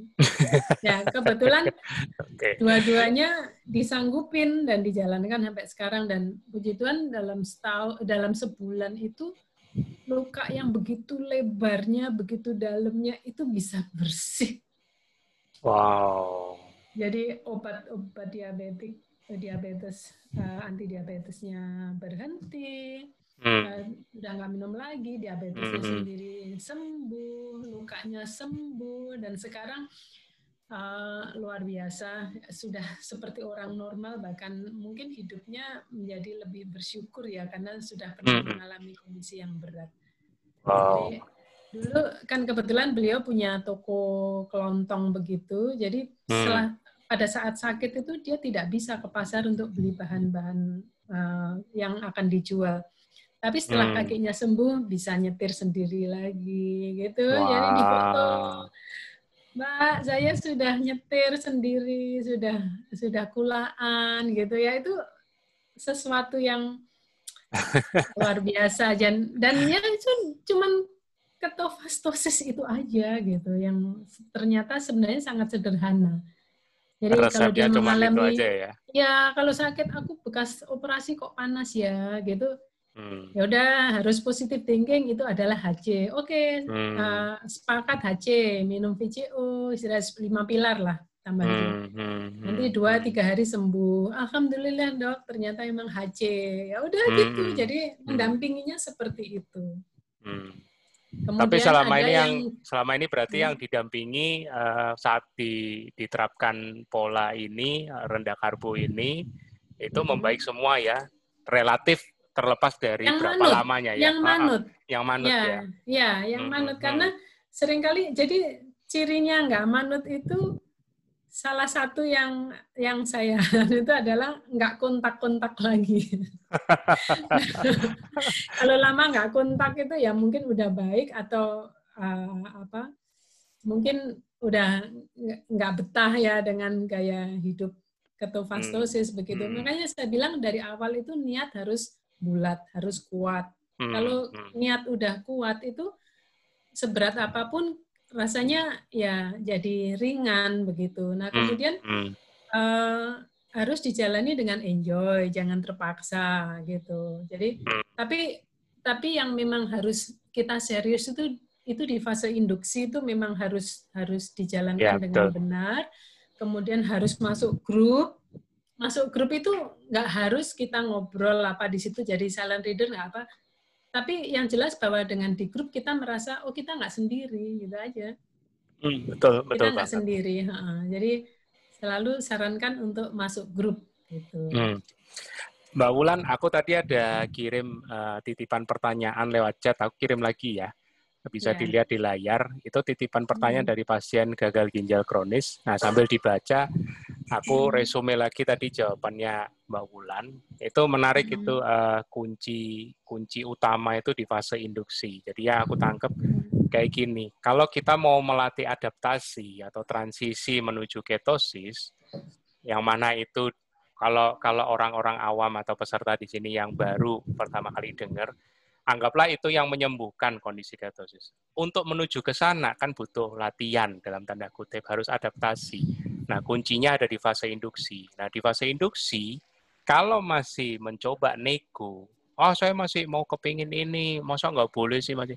Intinya kalau masih melibatkan unsur karbohidrat akan sulit, akan sulit untuk melatih itu. Jadi kuncinya di situ tadi. Apalagi ini dokter lo yang ngomong Mbak Wulan lo ya, spesialis patologi klinis, ya kan. Kuncinya malah tadi udah bilang beliau, ah, saya mentor banyak, tapi saya bisa bedain mana yang mana yang taat, mana yang tahu-tahu hilang. itu kelihatan.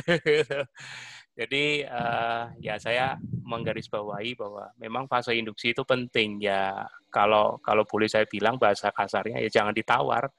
Kenapa kok menunya hewani? Saya nggak biasa makan gaji atau daging ya itu persepsi kita tidak pernah meng mengasih tahu bahwa harus lemak, harus yang tinggi lemak, enggak. Ya, hewani.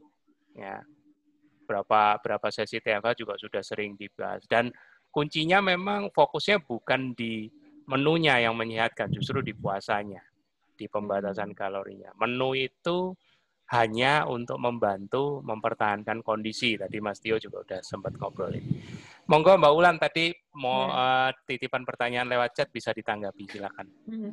pasien gagal ginjal ya dengan ya. Uh, uh, ureum kreatinin yang dirasa makin lama makin memburuk gitu ya. Hmm, Ini hmm, oh, udah menjalani hemodialisa atau belum? Jadi saya sarankan untuk pasien-pasien dengan gagal ginjal kronis itu tetap aja menjalankan hemodialisa, nggak apa-apa. Atau hemodialisa itu hanya uh, satu proses yang tidak uh, pembersihan ya, hanya mengurangi kadar kreatinin dan ureum yang ada di dalam darah kita Hmm. Yang mana itu kalau dibiarkan dalam waktu lama ting dalam kondisi tinggi itu kan mengganggu ya, mengganggu. Berbahaya juga. Itu sebenarnya sampah ya, hmm, hmm, seperti hmm. racun begitu. Hmm, hmm. Nah, uh, jadi uh, kalau saran saya, kalau misalnya itu memang sudah menjalani hadir, tetap saja dijalankan. Nah, uh,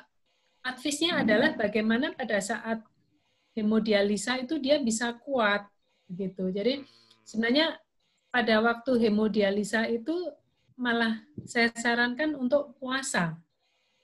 Puasa, hmm. jadi ya banyakin minum VCO, kemudian uh, bawa bekal apa itu ponari, ponari ini ya tahu kan ya buatan sendiri itu jadi air dikasih garam dikasih Uh, kecukupan mineral, elektrolit. Uh, uh, ya. Iya, untuk kecukupan. Atau kalau misalnya nggak anu, nggak uh, kan kalau orang gagal ginjal kan minumnya juga dibatesin. Jadi ya. jumlah pipisnya itu itulah jumlah air yang harus di dikonsumsi sama dia. Hmm. Nah, jadi kalau sudah terus plus kaldu, plus kaldu. Jadi uh, itu bekalnya pada saat dia HD. Jadi VCO, kaldu dan garam. Hmm. Itu biasanya habis hadir seger, habis hadir seger dan hmm. bisa ya beberapa bisa memperpanjang jarak HD-nya gitu. Hmm. Terus kemudian karena metabolisme metabolismenya juga makin baik, jadi uh, kondisi gagal ginjalnya juga nggak makin parah gitu. Meskipun hmm, hmm. sebenarnya kalau saya bilang kalau orang sudah masuk ke gagal ginjal tuh untuk menjadi normal itu ini yang saya bilang uh, mungkin ada kemungkinan sembuh, tapi yang saya tahu selama ini mendampingi orang gagal ginjal itu biasanya ureum kreatinin tetap tinggi, tapi kualitas hidupnya membaik. Hmm. Nah, jadi saya saya akhirnya sarankan udah nggak usah lihat ureum kreatininnya. Pokoknya kalau kamu merasa badanmu menjadi lebih enak, jadi hmm. kualitas hidupnya lebih baik lah itu itu udah kemajuan sekali karena gagal ginjal kronik itu juga kan uh, berlangsungnya cukup lama. Jadi uh, untuk dia bisa masuk ke ke kondisi gagal ginjal kronik itu butuh waktu lama. Jadi perbaikannya pun butuh waktu lama juga. Kira-kira hmm, seperti hmm, itu hmm. gitu. Tidak Jadi, bisa diburu-buru ya. Ah, nggak usah, nggak usah. Uh, uh, hasil kurium kreatin itu nggak usah bikin galau gitu. Hmm. Jadi ya yang penting kualitas hidupnya udah lebih baik, meningkat itu itu udah cukup untuk target target hmm. target uh, target KF target jangka pendeknya gitu ya. Hmm. Pasti uh, terjadi perbaikan. Ya, aku update dikit Mas Tio. Tadi ada titipan pertanyaan. Aku ada kopi ke WA-nya Mas Tio. Itu uh, data titipan pertanyaan dari ini apa pasien gagal ginjal kronis. Jadi ada peningkatan ureum kreatinin. Nah, minta saran terapinya seperti apa dari Mbak Wulan. Jadi uh, aku kalau aku tangkap tadi dari Mbak Wulan jawabannya lebih ke KF itu sebagai ajuvan terapi penunjang. Ya kan? Jadi tidak boleh lepas kalau memang sudah hemodialisa, hemodialisanya tetap karena itu sebagai menunjang untuk membantu mengurangi ureum sama kreatinin. Nah, masalah sembuh bisa bisa remisi atau enggak tergantung masing-masing uh, tingkat tingkat apa, apa istilahnya ya tingkat damage-nya sudah seperti apa mungkin seperti itu. Nah ini ada pertanyaan juga nih Mbak Wulan terkait dengan bisa sembuh enggaknya. Kalau Mas Tio selalu bilang bisa, pasti bisa. Maksudnya ya. pasti bisa itu. Kalau kalau ginjal itu maksudnya kalau ginjal nah, posisi, posisinya saat udah kondisi ginjalnya udah mengecil ya susah reversible. Nah, jadi, itu. Yang yang jadi pertanyaan itu, yang jadi pertanyaan selalu uh, teman-teman nih uh, sampai batas mana? Nah, itu. Mereka ingin tahu. Mungkin sekedar test case ya. Test case-nya seperti ini. Oh, kalau sudah segini enggak usah KF lah. Mungkin maunya seperti itu. Monggo, gimana? Ya kalau yang end stage itu memang uh, sulit karena biasanya dia mm-hmm. ukuran ginjal juga ada mengecil jadi udah mm. atrofinya udah banyak udah banyak udah banyak sel ginjal yang mati yang rusak. lah saya gampang mm. gitu yang rusak mati. Oh. Karena karena kan fungsi ginjal utama itu kan gini loh. Ginjal itu kalau dari sisi engineering itu fungsinya itu satu, dia itu jalur detoksifikasi dan juga jalur filtrasi. Fungsinya ya. memfiltrasi itu apa?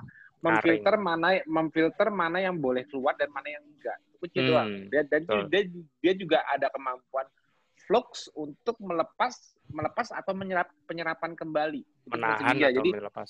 Nah, ginjal itu ginjal itu fungsinya dia bisa membuang, tapi dia juga harus mampu mereabsorb beberapa ya. metabolit ya. tertentu. Tapi ya. ada beberapa metabolit yang tidak boleh terlepas. Hmm. Oleh sebab itu dia dia dia disebut filtrasi karena apa? Dia punya kemampuan untuk menahan yang molekular weight-nya lebih besar, contohnya hmm. protein. Hmm. Seperti itu. Nah, hmm.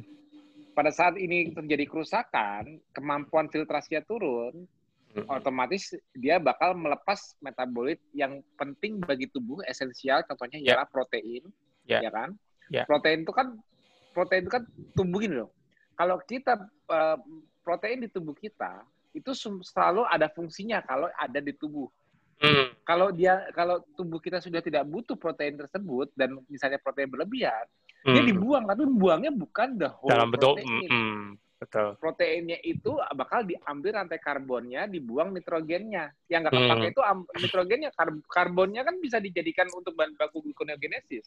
Yes. Bisa untuk jadi gula dan sebagainya. Yeah. Jadi protein itu penting di dalam tubuh. Tidak logik logiknya tidak boleh urin kita mengeluarkan protein. Yeah. Karena kemampuan filtrasi kita molekuler dia harus bisa menjaga kemampuan memfilter mana yang boleh keluar dan mana yang tetap harus di dalam Saking, yes. saking pentingnya protein seperti itu loh di tubuh kita. Hmm. hmm. Jadi apa tanda kutip? Saking pentingnya protein, saking tubuh kita pentingnya terhadap protein, protein itu ialah rantai karbon yang terikat dengan nitrogen, itu pentingnya seperti itu. Hmm. Karena protein protein itu dibutuhkan untuk berbagai fungsi metabolisme maupun fungsi metabolisme maupun untuk bahan baku hmm. ya bahan baku hmm. untuk perbaikan apa pun bahan baku memperbaiki otot bahan hmm. baku untuk membuat hormon sekalipun contohnya hormon insulin itu kan bahan bakunya protein ya pentingnya protein seperti itu hmm. kalau tubuh dari protein turnover di tubuh begitu tubuh merasa oh ini berlebih aku udah gak butuh lagi Nah, itu semua dimasukin ke urea cycle di liver, dibuang nitrogennya. Hmm. Dijadikan ureum, urea, ya, amonia, urea, buang. Hmm. Hmm. Itu baru nitrogen nitrogen bentuk urea baru dia bisa bypass filtrasi di glomerulus di ginjal. Itu logika. Hmm. Tapi kalau kalau proteinnya sendiri tidak boleh. Protein hmm. sendiri itu fungsional. Nah, kalau protein sampai terlepas di urin, itu otomatis ada gangguan di filtrasi. Hmm. Nah, aku kalau ngasih analogi kamu budaya gini, apa yang mengganggu kemampuan filtrasi dari ginjal tersebut? Hmm. Orang suka bilang, Mas, kalau makan banyak protein memberatkan memberatkan ginjal nggak? Enggak. Kamu nggak bakal bisa makan banyak protein kalau kamu tidak pakai karbo. Kenapa? Karena penyerapan protein dari makanan itu akan lama di lambung dulu. Jadi kalau orang makan daging banyak-banyak, itu lambungnya kayak apa? Stretchnya. Akhirnya nggak buru-buru di bypass ke usus. Dia bakal, yeah. coba orang-orang di KF kalau kekenyangan, tahu nggak di mana? Sakitnya tuh di mana? sakitnya tuh di sini. Di ulu hati. di sini lambungnya kayak keras itu yeah. kekenyangan gitu karena karena begah karena karena karena sama di dompet ya, karena karena banyak mak banyak karena banyak makanan yang belum diseberangkan ke usus rata-rata yeah. masih di lambung lama jadi kemampuan uh. makan kita terbatas kalau benar-benar makan real food hewani hmm. itu yang membatasi baik baik secara tidak unconscious kita tidak sadar kita membatasi kemampuan kita makan protein itu sendiri lambung hmm. kita stretch kalau ya. karbo susah di stop kenapa? Karena karbo itu tidak ada pencernaan di lambung. Hmm. Begitu kita makan karbohidrat, hmm. di lambung itu hanya beberapa saat aja dia langsung di bypass ke usus halus. Kenapa? Karena pencernaan karbohidrat terjadinya di usus halus. Ya. Enzim amilas adanya cuma di liur kita dan di usus. Tidak yes. ada perlu proses denaturasi protein di lambung. Ya. Nah, sedangkan kalau kita makan sumber hewani, untuk hmm. mempermudah nanti proteas di lambung di usus untuk memecah protein menjadi amino asid yang bisa diserap, otomatis dia harus dibantu oleh denaturasi oleh asam lambung dulu HCl dan yeah. pepsin. Hmm. Nah, makanya kenapa kalau kita makan ikan telur ayam daging kita cepat begah, nggak bisa kebanyakan lagi kenapa? Karena kamu cuma berusaha men-stretch kemampuan lambungmu yang 1 sampai 2 liter rata-rata manusia segitu. Tapi kalau usus itu panjang loh, mau diisi berapa aja bisa. Nah, makanya kalau makanan yang cepat di seberang khusus bisa banyak. Tapi kalau makanan yang lama di lambung, sulit kita makan dalam satu waktu tertentu dan jumlah banyak. Hmm. Itu yang itu itu itu itu, itu yang eh, membatasi kemampuan kita makan. Jadi mau berapa banyak protein yang memberatkan. Nah, kenapa kenapa suka dibilang protein memberatkan ginjal? Karena basic thinkingnya mereka apa? Pada saat orang mengalami gagal ginjal, proteinnya lepas ke urin. Sebetulnya itu konseptual yang salah dari cara orang melihat sisi sisi fisiologi manusia mengenai ginjal. Itu yang salah. Ini aku jelaskan. Tadi kan sisi filtrasi. Ini, mm -hmm. ini, ini, ini, ini, maaf nih, dokter patologi klinis. Nggak apa-apa, nggak apa-apa. aku ngajarin fisiologi. Aku seneng nih dapat kuliah, Pak. Aduh. ini, ini, ini dosen elektro mau ngajar. Oke, Mas, lanjut. Oke, jadi dari glomerulus itu kemampuan filtrasi itu kalau sampai ada protein nyebrang, itu yang dianalogikan bahwa oh karena kebanyakan protein makanya proteinnya bisa keluar saking banyaknya protein, saking banyak proteinnya di darah, anggapan dia gitu, saking banyak protein di darah, ngumpul, akhirnya memberatkan ginjal, akhirnya saringannya kebuka, bocor. bocor. Itu logika dasarnya kan salah. salah. Kalau gitu, percaya nggak? Semua bodybuilder itu sakit ginjal semua. Nggak tahu berapa banyak protein mereka makan. Dan sana enggak.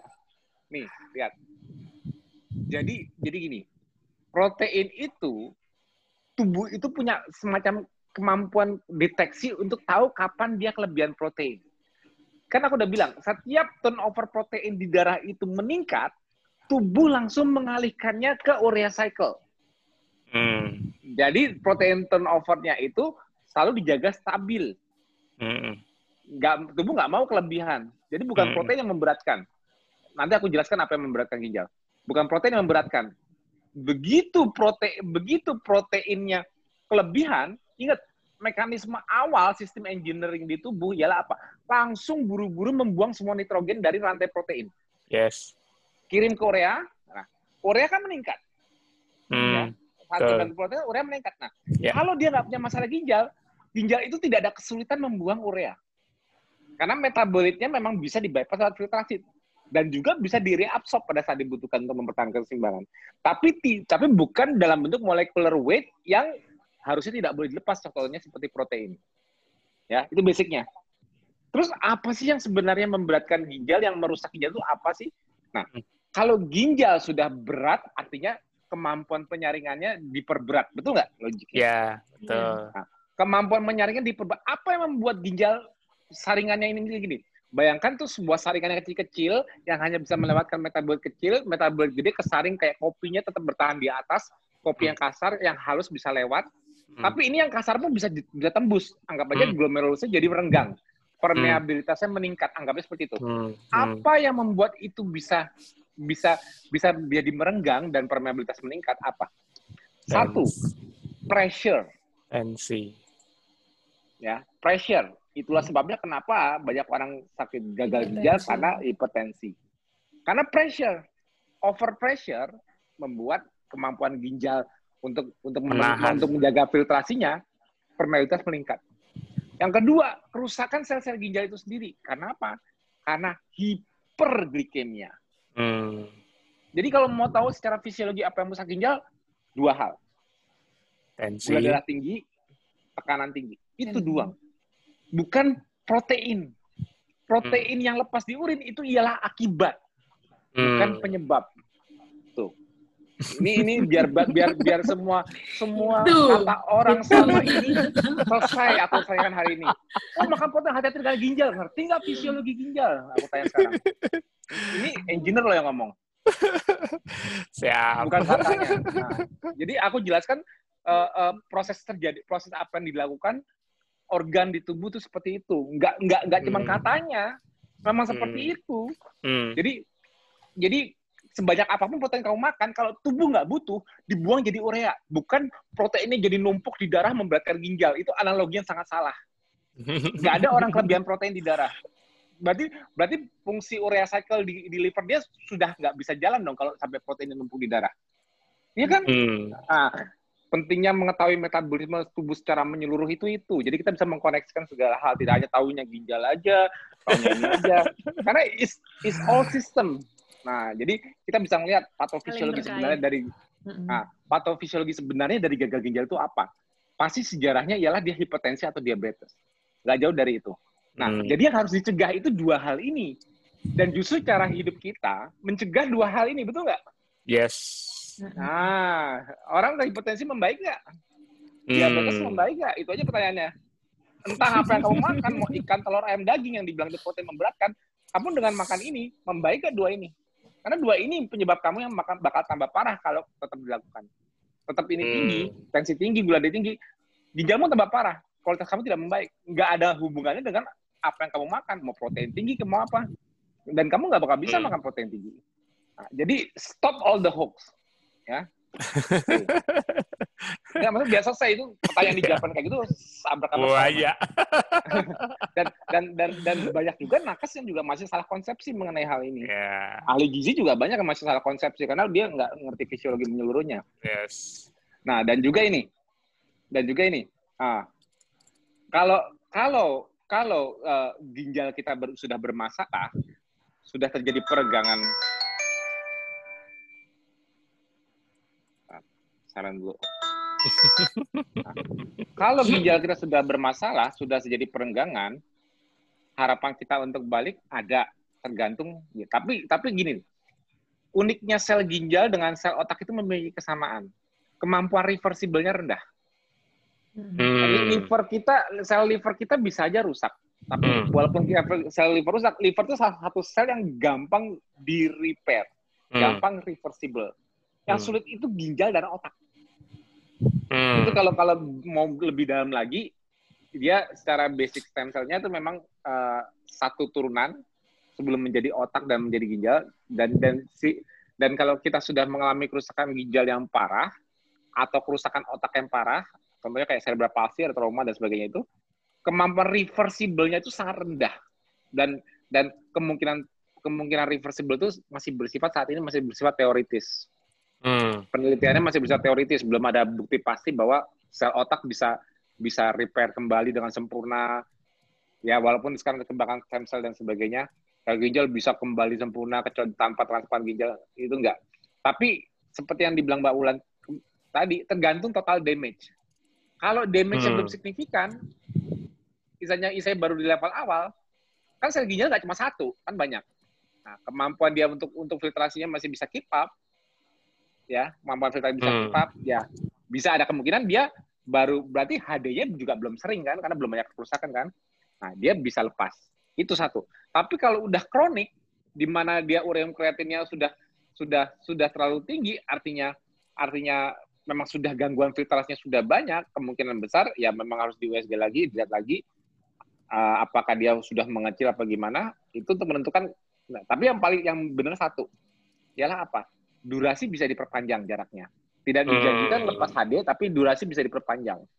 Karena metabolisme yang lebih bagus, otomatis mencegah akumulasi ureum kreatinin jauh lebih cepat. Dan further damage bisa dikurangi. Insya Allah di halt, di stop. Karena kita sudah hmm. berhasil, karena kita sudah berhasil menghentikan kunci utama kerusakan. Masih ingat nggak? Pressure, hmm. sugar pressure, sugar. Hmm. Ya. Ini, ini ini yang yang yang target pertama harus dibereskan oleh siapa pun yang punya masalah ginjal. Bukan apa yang dimakan. Entah kamu makan apa, entah kamu makan jam berapa, tapi kamu harus bisa mengendalikan sugar, pressure, tekanan. Nah, jadi jadi nggak makan karbo pun kalau kamu tidurnya masih kemalaman, stresnya berlebihan, pressure naik nggak? Hmm naik. Hmm. Kalau entah kamu nggak mau makan karbo kek, udah cuma makan hewani doang, tapi kalau kamu stres, kamu telat tidur, sugar naik nggak? Naik. Hmm. Selesai. Makanya kan ada lima pilar, bukan cuma dua pilar. Jalankan KF-nya, Bismillah, ikhtiar.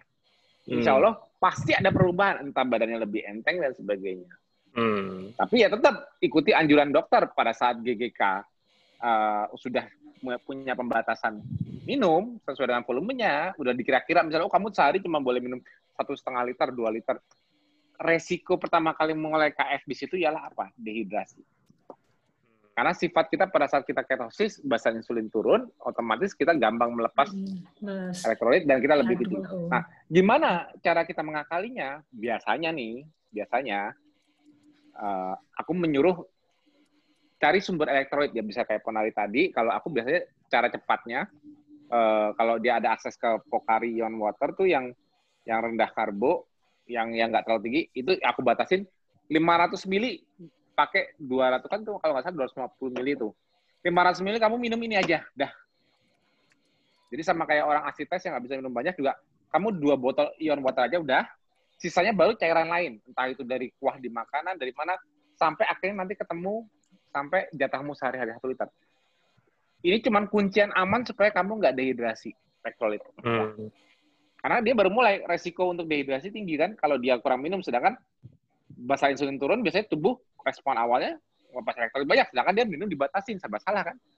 Nah, hmm. Ini ini ini ini khusus untuk yang udah itu aja. Jadi ini bisa dua botol elektrolit atau misalnya Polnari membantu juga boleh dua botol Polnari. Jadi dia minumnya itu aja dikit-dikit, minum gini-gini sepanjang hari supaya dia haus juga. Hmm. Nah itu kuncinya untuk untuk mencegah dehidrasi di masa adaptasi awal. Indian hmm. orang makin lama KF itu kemampuan nahan elektrolitnya meningkat. Makanya yes. kita tidak tidak perlu minum sebanyak seperti di awal adaptasi karena kita dulu sering pipis, sekarang kita nggak terlalu sering. Kemampuan kita retain water seiring waktu meningkat, bukan makin lemah. Hmm. Uh, kema awal kita mulai kita sering pipis, tapi makin ke sini kita justru malah ya sering tapi nggak sesering di awal. Ya itu karena level insulin kita. Jadi kan kita nggak makan karbo, jadi bahasa insulin. Jadi insulin itu yang retain water. Kalau kalau orang makan karbo itu kenapa malah malah jarang haus apa apa karena dia retain water, retain salt, garam. Hmm. Nah kalau kita kenapa garam nggak dibatasin? saya ada hipertensi, saya nggak boleh makan garam. Tapi dia nggak makan karbo, bahasa itu turun, garam lepas, dehidrasi. Hmm. Kalau dia kalau dia tetap ngeyel nggak makan garamnya, nggak bisa. Karena kan ini kan fisiologinya beda. Kamu dulu kenapa disuruh disuruh nggak boleh banyak garam, nggak boleh makan garam dulu? Ya karena kamu hipertensinya gara-gara karbohidratmu. Bahasa yeah. kamu hiperinsulinemia. Yeah. Kalau kamu nambahin garam ya total efek. tapi ini kan tapi ini kan fisiologi yang berbeda. Ya, jadi nasihat nah. nasihat mengurangi garam pada karbohidrat itu logis memang. Logis. Kalau kalau hmm. kalau kalau udah nggak kalau udah KM nggak logis. Hmm. Nah, itu pentingnya selalu berada di grup, selalu nonton TFH, kan, kan akhirnya bisa yeah. ngambil ilmu dari aku kan tiba-tiba iya. keluar aja gitu. Apa yang oh ya ini nanti kita bisa ceritakan ke yang lain gitu gitu kadang-kadang aku nggak bisa setiap saat posting di ini kalaupun aku posting juga udah ketekan di grup di mana. Kalau ini kan video YouTube-nya bisa diulang-ulang. Oh waktu itu Mas Tio pernah bicara soal ginjal. Diulang lagi ceritakan kalau ada yang nanya gitu. Jadi yeah. jadi bisa di repeat oleh uh, para warrior yang ya ya padahal kita nggak ada planning ngobrolin ginjal ya mbak ya gitu. Tadi gara-gara Mas Mas Bobby ada nanya itu, apakah iya. uh, pengalaman saya iya. mendampingi diabetes. Iya. Sebenarnya ada satu lagi yang menarik, Mas. Uh, ini saya sendiri juga cukup ini ya, cukup amazed juga ya dengan perkembangannya. Jadi beliau datang dengan kondisi diabetes mellitus yang sudah cukup lama dengan komplikasi glaukom. Nah, Jadi hmm. se sebelah matanya tuh sudah buta, udah nggak bisa ngelihat apa-apa.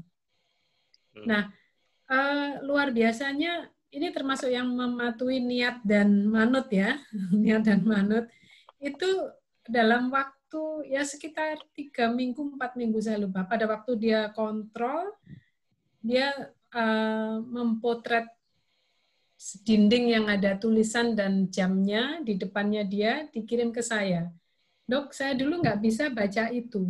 Sekarang saya sudah bisa baca. Glaukom tanpa operasi. Jadi saya pikir, saya pikir ini luar biasa ya ketofastosis ini. Jadi dia bisa menurunkan tekanan di dalam bola mata. Ya. Jadi, Pressure tekanan, and sugar. Ingat ya? TIK-nya, tapi memang karena uh, ini prosesnya juga udah lama, jadi kadang-kadang yeah. dia masih kadang kabur, kadang tekanannya yeah. tinggi lagi. Tapi secara umum penglihatannya sudah normal, dia wow. sudah bisa melihat dengan seperti mantap, pada mantap. closing closing statement Mbak Wulan ini testimoni. Iya. Kita sudah di penghujung nih Mas, Oh, jam iya. 10 lebih ya. Udah lebih Saya aku lupa. Seru soalnya kan. Ah, seru. Makanya kenapa Mbak Bulan tadi nanya sama aku, kita ngobrolin apa mas? Ya udah ngobrolin pengalaman Mbak aja. Aku bilang gitu. Aku nyiapin apa? Gak usah disiapin. Makanya kalau di TFH ini, kenapa aku ngundang nakes-nakes? Nanti ilmunya munculnya itu flow. Ya. Karena karena lagi kita tiba-tiba kita ngobrolin ini ngobrolin apa kita nggak ada nggak ada kayak SFH gitu menyiapkan materi apa apa apa gitu kita kita kayak gini Diskusi mbak sofa. ilmunya apa pengalaman apa nanti juga aku juga orangnya nggak bisa nggak bisa "Mu- hari ini mau cerita apa ya aku bisa ya. gitu harus aku tuh pokoknya ada yang mancing ngeluarin aja aku suruh jawab apa nih nanti aku jawab gitu nanti tiba-tiba keluar gitu jadi memang eh, untuk eh, salah satu aku sharing knowledge aku juga butuh eh, lawan misalnya gini sorry nih maaf ya. Maaf semua para warrior. Selama ini pertanyaan di grup-grup basic. Kalau aku sering ngobrol sama nakes kayak gini pertanyaan lebih advance. Jadinya kan Ah, lebih karena keluar. gini loh. Kadang-kadang ilmu ilmuku yang nggak keluar-keluar itu keluarnya sama dicolek nakes karena kan lawannya sepadan. Maksudnya maksudnya bisa bisa eh, nah Iya. Mancing kenapa aku keluar. kena- kenapa aku jarang nongkrong di grup lain tapi nongkrongnya di grup telenakes ya karena itu. Karena kan eh, kapasitasnya sesuai tapi kan akhirnya kan bisa dianalogikan menjadi konsumsi untuk awam Ya. Nah, kalau kayak awam kan biasanya kan pertanyaan masih basic-basic banget. Tapi kalau ini kan Hmm. seru nih, ada ada apalagi Mbak patologi klinis, kita kan jadi kan nanti aku ketemu nakes lain apa, misalnya spesialis saraf, apa. Jadi kan semua yang aku pelajari dulu itu the whole system itu bisa ngikut keluar berdasarkan spesialisasi masing-masing kan seru tuh nanti. Jadi kayak bisa temanya tiba-tiba ada ilmu ini dari masalah dengan dokter ini ini. Nah, itu aku aku aku sebenarnya nyari orang yang bisa mancing keluar. Oke. Mas Tio, saya saya ada ada ide, ada usulan. Ini kan lagi pandemi COVID-19 nih. Nah, mungkin ada yang sempat membuat catatan atau bagaimana bagaimana kondisi para warrior kita selama pandemi COVID ini? Apakah ada yang akhirnya terpapar, kemudian hasil Nah, tesnya Artinya, menjadi artinya jarang lihat reaktif? Facebook ya. Iya. Saya Kita punya sudah- Facebook tapi nggak pernah dibuka. kita sudah ngeluarin buku metabolic conditioning untuk mencegah fatalitas COVID-19. Nah, Nah, dikirim. Disusun Anunya, oleh apa, 10 nakes. tapi ininya eh, faktanya. Jadi eh, Wah, eh, faktanya? dari sendiri ada ya? Oh enggak, kalau kalau kalau fakta aku nggak berani. Maksud gini, Ya, eh, Mbak Irma udah cek udah live belum? Mbak Nah. Irma masih kayak Dokter Irma Ah, ya? Dokter masih, Irma. Nah, Mbak, masih. Mbak Irma salah satu tim penyusun buku yang rajin eh, megang referensi dari kan kan gini. Eh, karena kita ini nantinya mau buat mediasi ke Menkes, kita kan lagi ngumpulin data. Jadi para Hmm. banyak yang japri aku eh, ngasih data, Mas, eh, saudara saya ini KF maupun non KF itu mereka banyak yang nggak berlaku, tapi kan kita kan eh, mau identitaskan ditutup. Tapi Hmm. datanya itu nanti perbaikannya bagaimana setelah metabolic conditioning itu hasilnya hasilnya itu nanti kita buat maju karena kita membutuhkan dengan metabolic conditioning dengan Hmm. fasting on ketosis secara nggak langsung karena itu membatasi jendela makan dan tidak makan karbo hasilnya menurunkan inflamasi bagaimana karena akar masalah dari covid seperti mbak tahu sendiri apa Iya. inflamasi kan Sitok, sitokain ini, badai sitokain. badai sitokin itu apa kalau bukan inflamasi inflamasi kan Inflamasi, inflamasi Nah, dia. Jangan ngomongin jangan ngomongin badai sitokin yang yang bahasa keren saat ini karena baru orang dengar sekarang. Kalau dulu kalau dulu soalnya namanya bukan badai sitokin, dulu namanya sitokin release syndrome. Sekarang karena karena orang teriak badai sitokin jadi wow kayak kayak hal baru. Udah kan harus lama. kekinian, Mas. Harus kekinian Oh, iya, supaya betul. diterima. Betul. Kalau dulu namanya sitokin release syndrome itu inflammatory Iya, respon iya. berlebihan. Inflammatory respon Ya. berlebihan dari sel-sel imun innate yang tidak ada counter regulate dari adaptive lineage. Nah, jadi Hmm. akar masalahnya kita udah kelihatan semua. Hmm. Makanya kenapa limfositnya itu drop. Jadi begitu limfositnya orang-orang yang COVID ini makin drop, kemampuan meregulate, mengcounter regulate dari uh, Hmm. sekresi sitokin yang proinflamatory turun. Nah, berarti Ya. berarti kita melakukan intervensinya itu harus anti-inflamatori. Nah, sekarang pertanyaan cuma simpel doang. Mbak udah umur kepala 5 dibanding kepala 3, kepala 2, badannya lebih sering sakit-sakitan mana? Dulu apa sekarang? Ah, dulu, dulu. Ah, selesai. Sekarang Dulu lebih fit. pegel, gampang pusing, meriang, itu inflame. Ya, nah, begitu ya. gaya hidup KF itu sudah anti inflame. Jadi gaya hidup kita ialah gak ada hidup. Dulu hobi kerokan. Dulu hobi Nah. kerokan. Sekarang yang Iya. sekarang nggak nggak perlu kerokan lagi. Jadi tubuh Mbak itu udah anti inflamasi. Jadi logis nggak kalau aku bilang COVID itu cuma nama. Pato patofisiologi sebenarnya dari Tetap inflamasi, ya. Inflamasi. Entah yang situ komorbidnya apa, komorbidnya apa, komorbidnya itu menjadi penyebab mortalitasnya karena inflamenya dinaikkan. Itu masalahnya. Nah, yang kita intervensi ialah inflamenya jangan sampai naik supaya komorbidnya sudah terlanjur ada, tidak menjadi fatal. Selesai nggak? Selesai.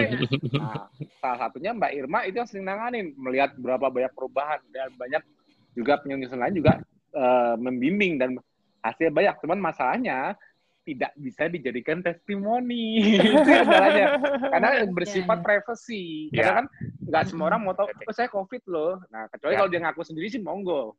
Tapi kan Hmm. Uh, karena kita kan punya uh, dealnya awal aku butuh semua yang itu lapor ke aku supaya aku bisa kirim ke tim penulis untuk dibimbing tujuannya kan untuk data data yang Hmm. secara privacy ini nantinya kan buat kita maju ke Yes. otoritas kesehatan untuk mendapat Yes. approval penerapan metabolic conditioning di settingan klinik. Tapi menunggu itu terjadi kita tetap mengcover identitas, ada sih. menolong, uh, menekan survival itu. Hmm. Makanya Facebooknya nyalain, Mbak. Aku nggak suka Facebook, Instagram aja kadang-kadang. Ya udah, kalau nggak suka follow akun aku aja, nggak usah follow yang lain. follow WA, follow WA. Mas, aku mesti aku mesti stop ini karena kita sudah Oh, iya, iya, lewat banget. Seru, jam Mbak. 10. Terima kasih. Terima yang kasih. ya. Oke, terima kasih teman-teman semua. Kita Oke, sudah sampai di kasih. penghujung acara ya. Mohon maaf agak terlambat tapi makin seru, makin banyak ilmu yang pastinya masih terus akan terus digali di TFA berikutnya. Sampai jumpa di edisi TFA berikutnya dan jangan lupa hari Minggu kita ada SMA tematik ya berkaitan Ya. dengan Hari Anak Nasional. Born to be a Warrior. Selamat malam Ya. semuanya. Selamat Selamat Bertemu malam lagi. semuanya. Makasih. Mbak Ulang udah Selamat hadir. malam. Ya, makasih Mas Selamat Tio. Selamat malam semuanya. Ya. Terima